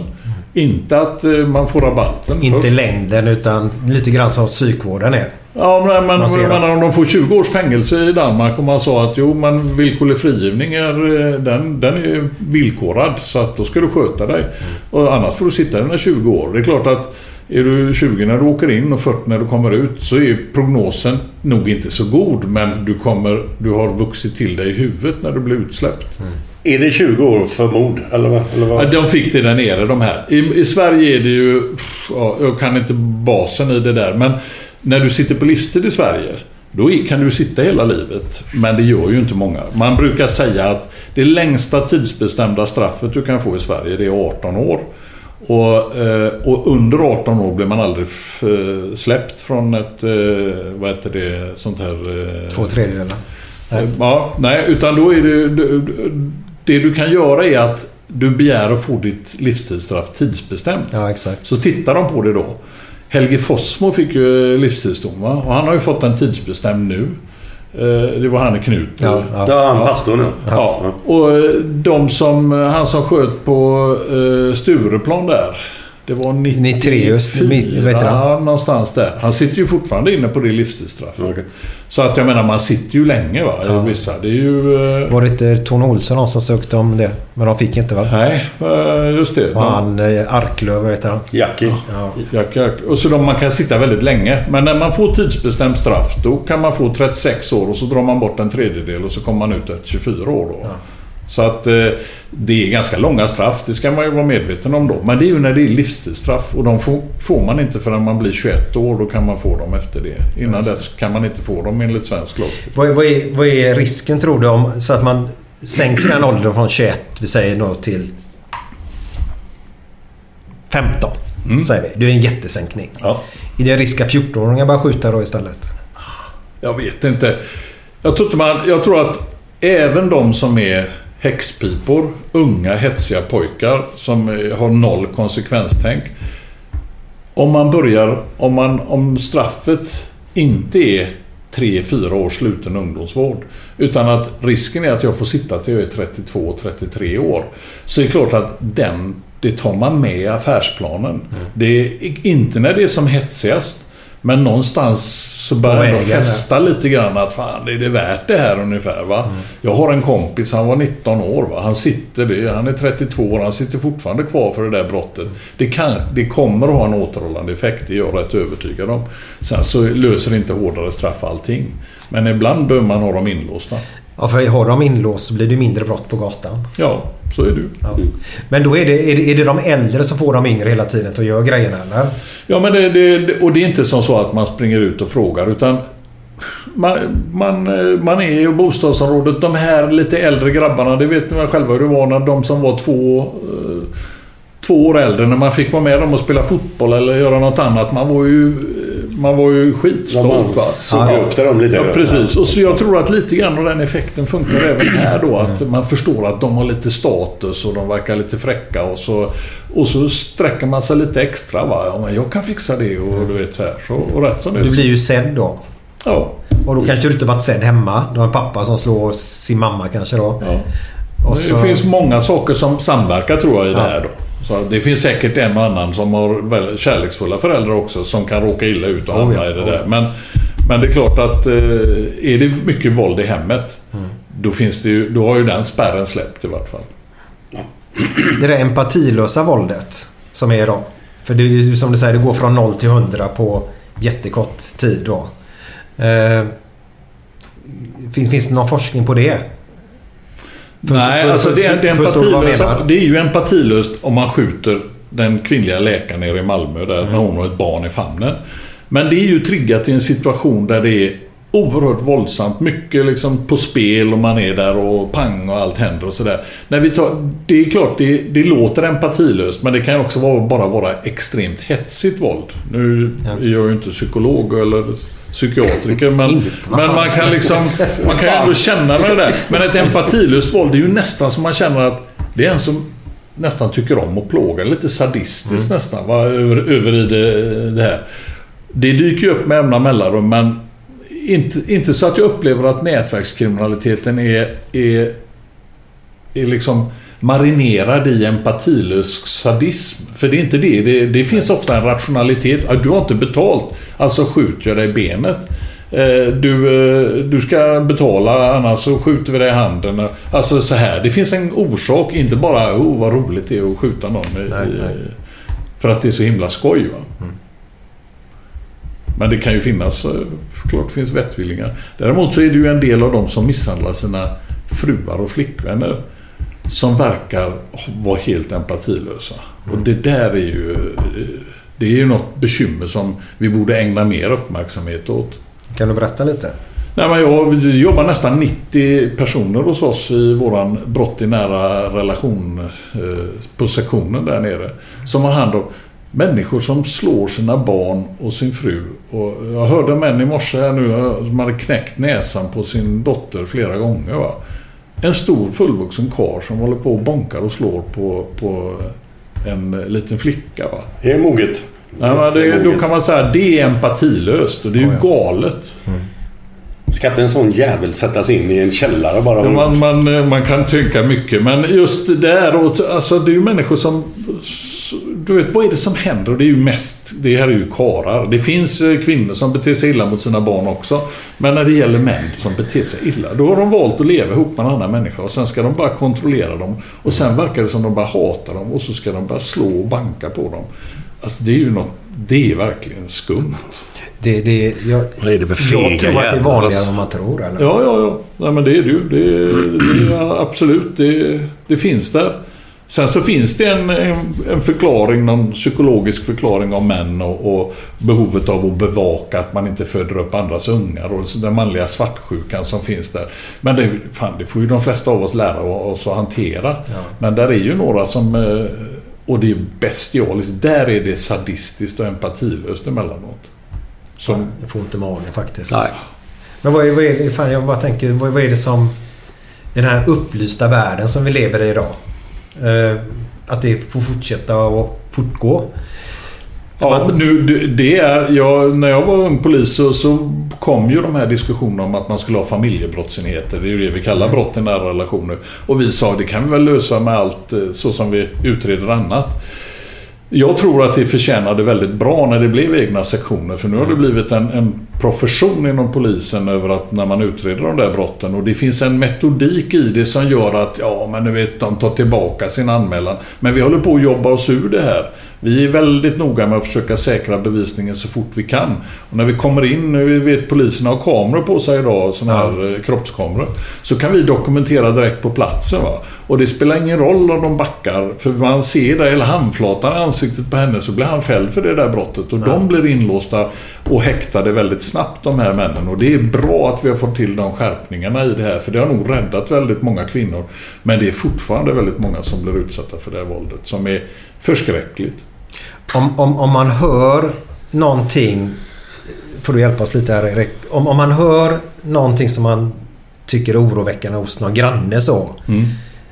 Då bör man väl gå upp och ringa på och bara kolla läget eller? Ja, tycker jag man ska göra. Det kan man göra om man bara frågar, står allt rätt till? Vad är det som händer? Och om de inte öppnar eller man märker att det är lite tokigt så här, det här känns inte bra. Nej. Alltså om man pratar så lugnt med... Så, det är ju inte så att de flyger... Det är klart att de drar igen dörren. va, Men då kan man ju gå ner och ringa polisen och säga nu får ni nog komma hit och titta för det här känns inte bra. Men även om man har någon kompis eller om man tror det så ska man ju vara medveten om att och bara någon säger att de ser det, det kan vara en del i processen. Om det är din syster eller din eh, svägerska eller något och du, du tänker det att fan, jag måste prata med henne om det här. eh, Står allt rätt till och så vidare. Jag ser det här. Vad, eh, så, så, och kan- kommer du de nio gånger av tio så kommer de att svara absolut inte, det händer ingenting. Men det är en del i den processen som de behöver för att de ska komma till, till den insikten att fan, jag ska lämna den här. Det är en destruktiv relation. Hon, hon, Men det behövs lite mer alltså, civilkurage då eller? eller bara... Ja, men vi, var inte rädd för att fråga. Var inte rädd för att fråga och kolla upp om eh, så, så gott man kan göra då eh, för det här. Och inte heller rädd. Jag menar om jag... Om, när vi växte upp, om det kom ut någon förälder och pi, pi, piskade, det låter ju inte speciellt trevligt, men de smällde till sina barn. Så, så var ju, det var ju rätt vanligt på den där tiden. Jag fick, eh, kunde få mig eh, en hurring om man inte skötte sig. För så uppfostrar man barn. Men idag, om man, om man är ute någonstans och någon bara slår sitt barn, det är klart vi ingriper. Det gör vi väl. Vad håller du på med? Ja, men han är helt stollig. Men man slår inte barn. Så säger vi. Det ska in även i det här när man tror att de, män är stygga mot sina kvinnor. För det är en del i förändringen. hon eh, stackars tjejen i Uddevalla. Mm. Där hörde ju grannarna. Ja. Det skrik och annat. Ja. Och alla bara sket i det egentligen. Ja, hade, det är- hade, hade de inte gjort det så hade det varit uppklarat idag i det stället då. Ja, hon kanske inte hade blivit dödad då, nej. Eh, Det är jävligt sorgligt är det på många sätt. Det finns en bra bok Glenn. Eh, En av systrarna Graf. Ja. Hanna? Ja, jag vågar inte svara om det är Hanna eller hon den andra. Eh, Jag tror det är Hanna. Jag har ju skrivit en bok. För hon levde ju med en man som var svartsjuk och Ja. slog henne. Ja. Så hon fly- flyttade, flydde ju till Göteborg. Till Orustgatan tror jag. Någonstans där i Sandarna. Bodde hon då i en sån här kvinnor... Orustgatan är den som ligger vid Älvsborgsbron där någonstans. Ja. Så eh, den boken är jättebra. Hennes, eh, Ja, ja. Den, den är värd att både lyssna på eller läsa. Och där kan man förstå svårigheten för en kvinna att ta steget. För de stannar ju kvar och tyvärr är det många kvinnor som mist livet på grund av det. Ja, det är 10-15 per år i Sverige. Eh, Och oftast så är det ju som så att det startar ju inte på det viset. Utan Nej. de här männen har håller på att nöter ner dem så de är ju helt nedbrutna i, i slutändan och känner sig helt värdelösa. Ja. Det ingår i liksom den där processen. Då. Men det var psykisk nedbrytning först. Ja, och kanske inte medveten av honom men de, man blir nedbruten av att leva i en sån taskig relation då. Vad fan är det för fel på människor? Ja, men vad konstigt. Ja, det... Allvarligt. Jag ska bara ta, du jag har ingenting med misshandel att göra men jag trodde jag låg i våran säng och skulle sova en kväll. Så hör jag ett jävla skrik. Och jag undrar, vad- det lät inte bra. Nej. Så jag öppnade fönstret och försökte jag lyssna utåt alltihopa där. Så tar det väl någon minut eller två. Det här är faktiskt sant. Ja. Eh, Min granne Peter som är polis då. Där hade United gjort 1-0 i slutet av en match. Det här var, Ja, det och det är faktiskt Ja, sant. det är Peter som Ja. ja. ja, ja. Och jag tänkte, vad fan? Så jag berättade för honom dagen efteråt. För jag sa, han, han är vaken. Peter är vaken. Alltså just med, med grannar och sånt. Ja, ja, ja, Och, ja. och det är lite lurigt folk där omkring. Eh, Så ja. Det var. Ja. Men han misshandlade inte henne utan det Nej. var bara att United gjorde mål. Men det är också en typ av misshandel, va? Ja, de ska inte göra mål överhuvudtaget. Men vad håller du för lag i, i England? Jag, jag har inget sånt där eh, eh, speciallag i England. Jag, min, min, eh, min son håller på eh, Manchester United eh, förstås. Han Vad vad är det för fel på honom? Ja, jag vet inte. Men, eh, men Blåvitt här hemma, det är det då. Och eh, sen så har jag väl inget direkt sånt lag. Jag, har- jag har varit på väldigt lite fotboll i England. Men eh, några matcher har jag sett. Men, Det är mest London då antar jag? Ja. ja, nej det var nog det har bara varit London tror jag. Så att, Ja, det är inte bara. nej, nej, nej. Men man, någon gång borde man komma till och se Liverpool då förstås. Där har du höjdaren. Ja. Jag undrar hur länge, lång tid det tar Glenn innan du får göra dina resor dit igen. Ja, det tar nog ett tag till. Ja. Jag tror det tar längre tid än vad vi tror. Ett, ett år kanske, eller något. Ja, Fan, det är sorgligt är det. Ja det är tufft. Jag, Jag, jag, jag förstår inte varför inte man kan släppa in en tredjedel. Den, den tar 58 000 den här arenan. Kan du inte släppa in 8 000 eller 10 000? De sitter ju inte på varandra då. Jag Nej. fattar inte grejen alltså. Nej, jag, jag kan inte det. Eh, Jag håller, jag håller med dig inte mycket. Ja, det borde ju gå när det är utomhussport. Så borde Ja. man kunna. Men det är klart, samtidigt är det, det är uppmarsch, det är köer, det är en det ena än det andra. Det här är ju inte färdigt på långa vägar. Nej, nej. Och det här är... Den här vintern som kommer nu, den blir lite rolig tror. Nej, jag tror att du kommer få tufft. För jag, jag har en teori att smittan, när det är kallt... Ursäkta, jag har en teori. Eh, Ja. När det är kallt, om jag spottar ut eller något Ja. sånt där då och jag är sjuk. Så är det kallt. Hade det varit eh, 25 grader och sol istället. Då försvinner mitt spott snabbare. Alltså det, det Ja. Eldas ju upp om man säger så. Eller vet du det? Eldas upp. du fattar vad jag menar. Fast, fast när det är kallt då så lever mitt, mitt spott längre kvar i luften. Ja. Det är därför jag tror hockeyspelare, de är mer drabbade av covid i lagsporterna i Sverige än vad fotbollsspelare är. Om ni inte visste det. Så jag tror att det har med kylan att göra för då lever, tror jag, eh, den Bakterierna. där- ja, längre tid i luften. Och det smittar. Så att den här vintern kommer Jag tror, du, du har, jag tror du har rätt. Den förklaringen som jag har hört, och du jag är ju inte... Eh, vad heter det? Epidemiolog. Ja, det är ett fint. Det är ett nytt ord vi har fått lära oss. Eh, men, men de säger, säger ju det att det har att göra med torrheten i luften. Och på vintern är det torrare i luften. Och då, då far de här eh, längre. Mm. När det är varmt och fuktigt så träffar de fukt och då faller viruset snabbare till marken. Så att eh, det är vad jag har hört. Men eh, det är ju ingen som vet vad, vad det Nej. är. Däremot så, det såg inte ni när vi gick in här, men vi har ju sprit stående överallt. Så vi tvättar händerna med sprit. Ja, Har vi- missat det? Ja, visst. Men det, det, var, det är handsprit. Men jag har, ju, jag har ju en tjänstebil med alkolås i. Och om jag tar handsprit och går in och sätter mig i bilen så startar inte den. Gör det utan- inte? Nej, då får jag sitta och vänta. Så. Är det en sån här, eh, vad heter de, Dräger eller Jäger? Jag har en sån i bilen också. Ja, jag har en sån. Så det, den är ju kopplad eftersom det är en tjänstebil så är den Ja. kopplad in. Så att det, vi, jag detekterar alkohol i utandningsluften står det i den här då. Att, eh, och, då och då har jag haft det på händerna. Ja, vad häftigt. Ja, ja. Vi jag hade en annan teori. Jag pratade med Glenn för en vecka sedan nu tror jag reglerna, på telefon. Och Glenn har ju alkohollås i sin bil. Och då sa vi, vi kom in på någonting med fest och grejer Glenn i alla fall. Och det var sprit och allt möjligt. Jag vet inte hur vi kom in på det men vi brukar ju göra det. Eh, Men då sa jag så här, men fan kan du ta med en ballong på festen? Så blåser du upp ballongen först nykter. Och sen så när du ska starta bilen sätter du ballongen över munstycket och släpper ut luften så, så kan du köra. Det är ingen, ingen bra tips men Det- hade det funkat tror du? Det är inte jättebra kanske. Ja, det hade kanske gjort, men... Jag vet inte vad jag ska svara. Nej, svara inte. Det är sådana våra, våra telefonsamtal. Ja. Ja, ja det är snillen spekulerar. Ja, ibland. Men det är kul är det. Det är kul att spekulera. Vi, du, du ska få en tröja här av oss. Oj.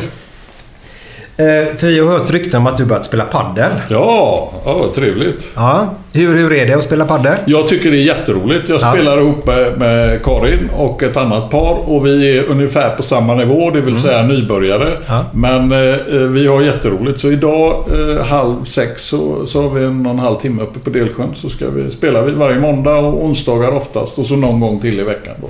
Ja. Uppe i Delsjön också. Det är jävligt kul alltså. Ja, ja, det är skitroligt. Ja. Ja, det är riktigt trevligt. Så du ska få en Göttunga-tröja av oss. Nu hoppas jag XL funkar på dig. eller? Det ska jag nog göra. Jag, jag växer i den annars. Ja, det är... Han ska köra så här fem veckors kickstart. Det var bra. Vad roligt. Tack så hjärtligt. Ja, varsågod. Det är ingen muta nu då om... Nej, nej, nej, nej jag förstår. För det är väl under 400 kronor eller något så det är okej va? det Men det går säkert alldeles utmärkt. Ja, vad bra. Eh, ja, vi får ju tacka då alla Ja, våra lyssnare. Men absolut. efter den här låten då. Så kommer eh, en eh, avslutning. Så kommer en avslutning med Glenns härliga historier. Yes, yes. Men eh, det var som du sa där Erik. Lite mer resurser. Så, så kommer det här bli bra och det blir aldrig så... så eh, vad du sa, dåligt som man tror att det ska bli. Men... Eh, Det, då, det kan jag säga. Lite tillförsikt på att eh, det här... Det blir inte riktigt så bra som man tror. Eh, men det blir heller aldrig riktigt så illa som man fruktar emellanåt. Och, och där någonstans emellan kommer vi hamna i det här också. Men får vi lite mer resurser, lite vassare lagstiftning så ska vi nog kunna eh, hålla den här nätverkskriminaliteten stången. Men du, är du optimist eller pessimist? Ja, du märks, det märks inte att du är pessimist kanske. Nej, men det är jag inte. Jag är nog, har nog en ganska positiv syn. Men en realist emellanåt då. Och emellanåt behöver man ju berätta vad man ser för att annars händer ingenting. Nej, nej. Och det går inte heller. Det som jag vänder mig emot det är att när man tror att om vi bara rättar upp områdena så kommer allt att bli... För kriminaliteten är en sak. Socioekonomisk utsatthet är en annan. De är inte växlingsbara med varandra utan man behöver jobba mot bägge två.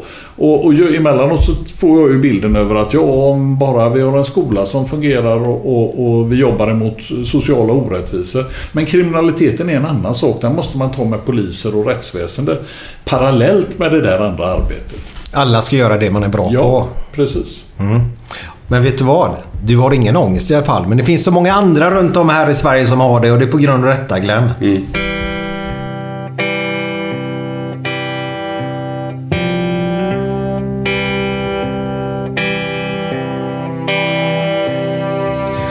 Fem på morgonen i New York City går en man i en sliten gammal hatt.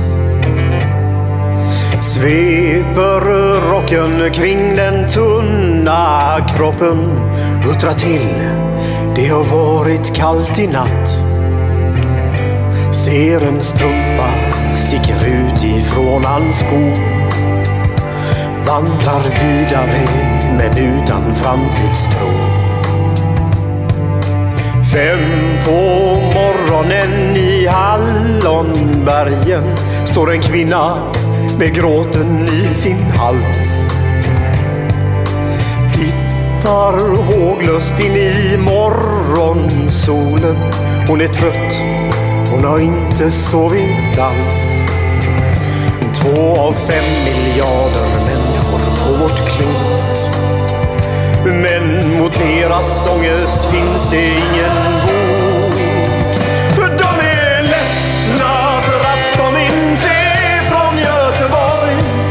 De kan inte se hur Gustav Adolf pekar på sitt torg. Det är inget fel på att vara etiop. Men inte riktigt rätt ändå, det vet de allihop. Och de gråter så det krampar när de får en inre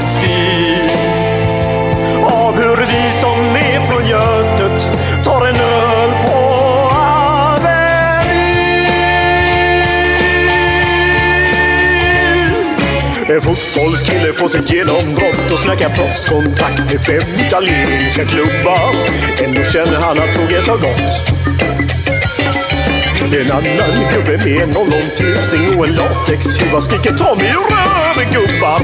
Men det ger honom inte nåt.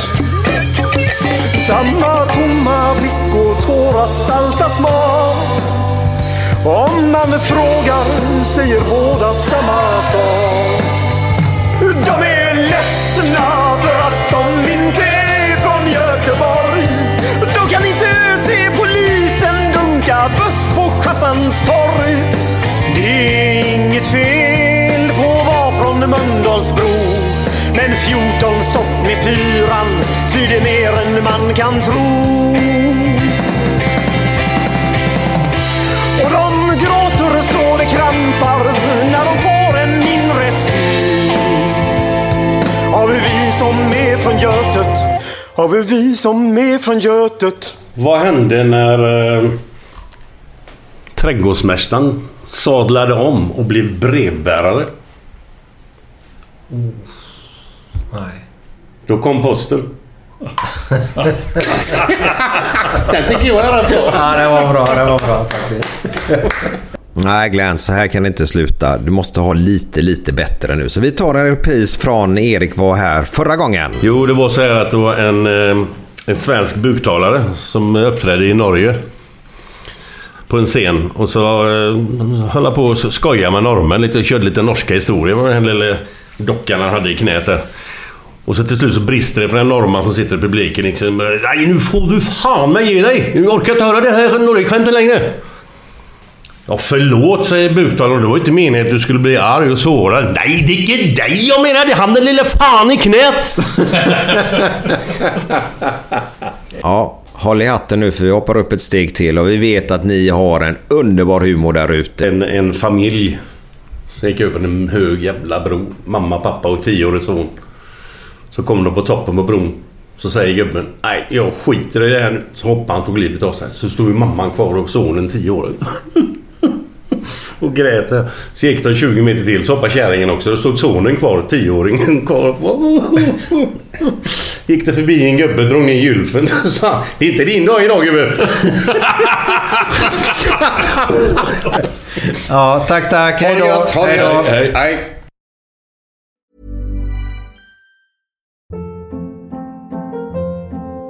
Hold up. What was that? Boring. No flavor. That was as bad as those leftovers you ate all week. Kiki Palmer here, and it's time to say hello to something fresh and guilt-free. Hello Fresh. Jazz up dinner with pecan-crusted chicken or garlic butter shrimp scampi. Now that's music to my mouth. Hello Fresh. Let's get this dinner party started. Discover all the delicious possibilities at hellofresh.com.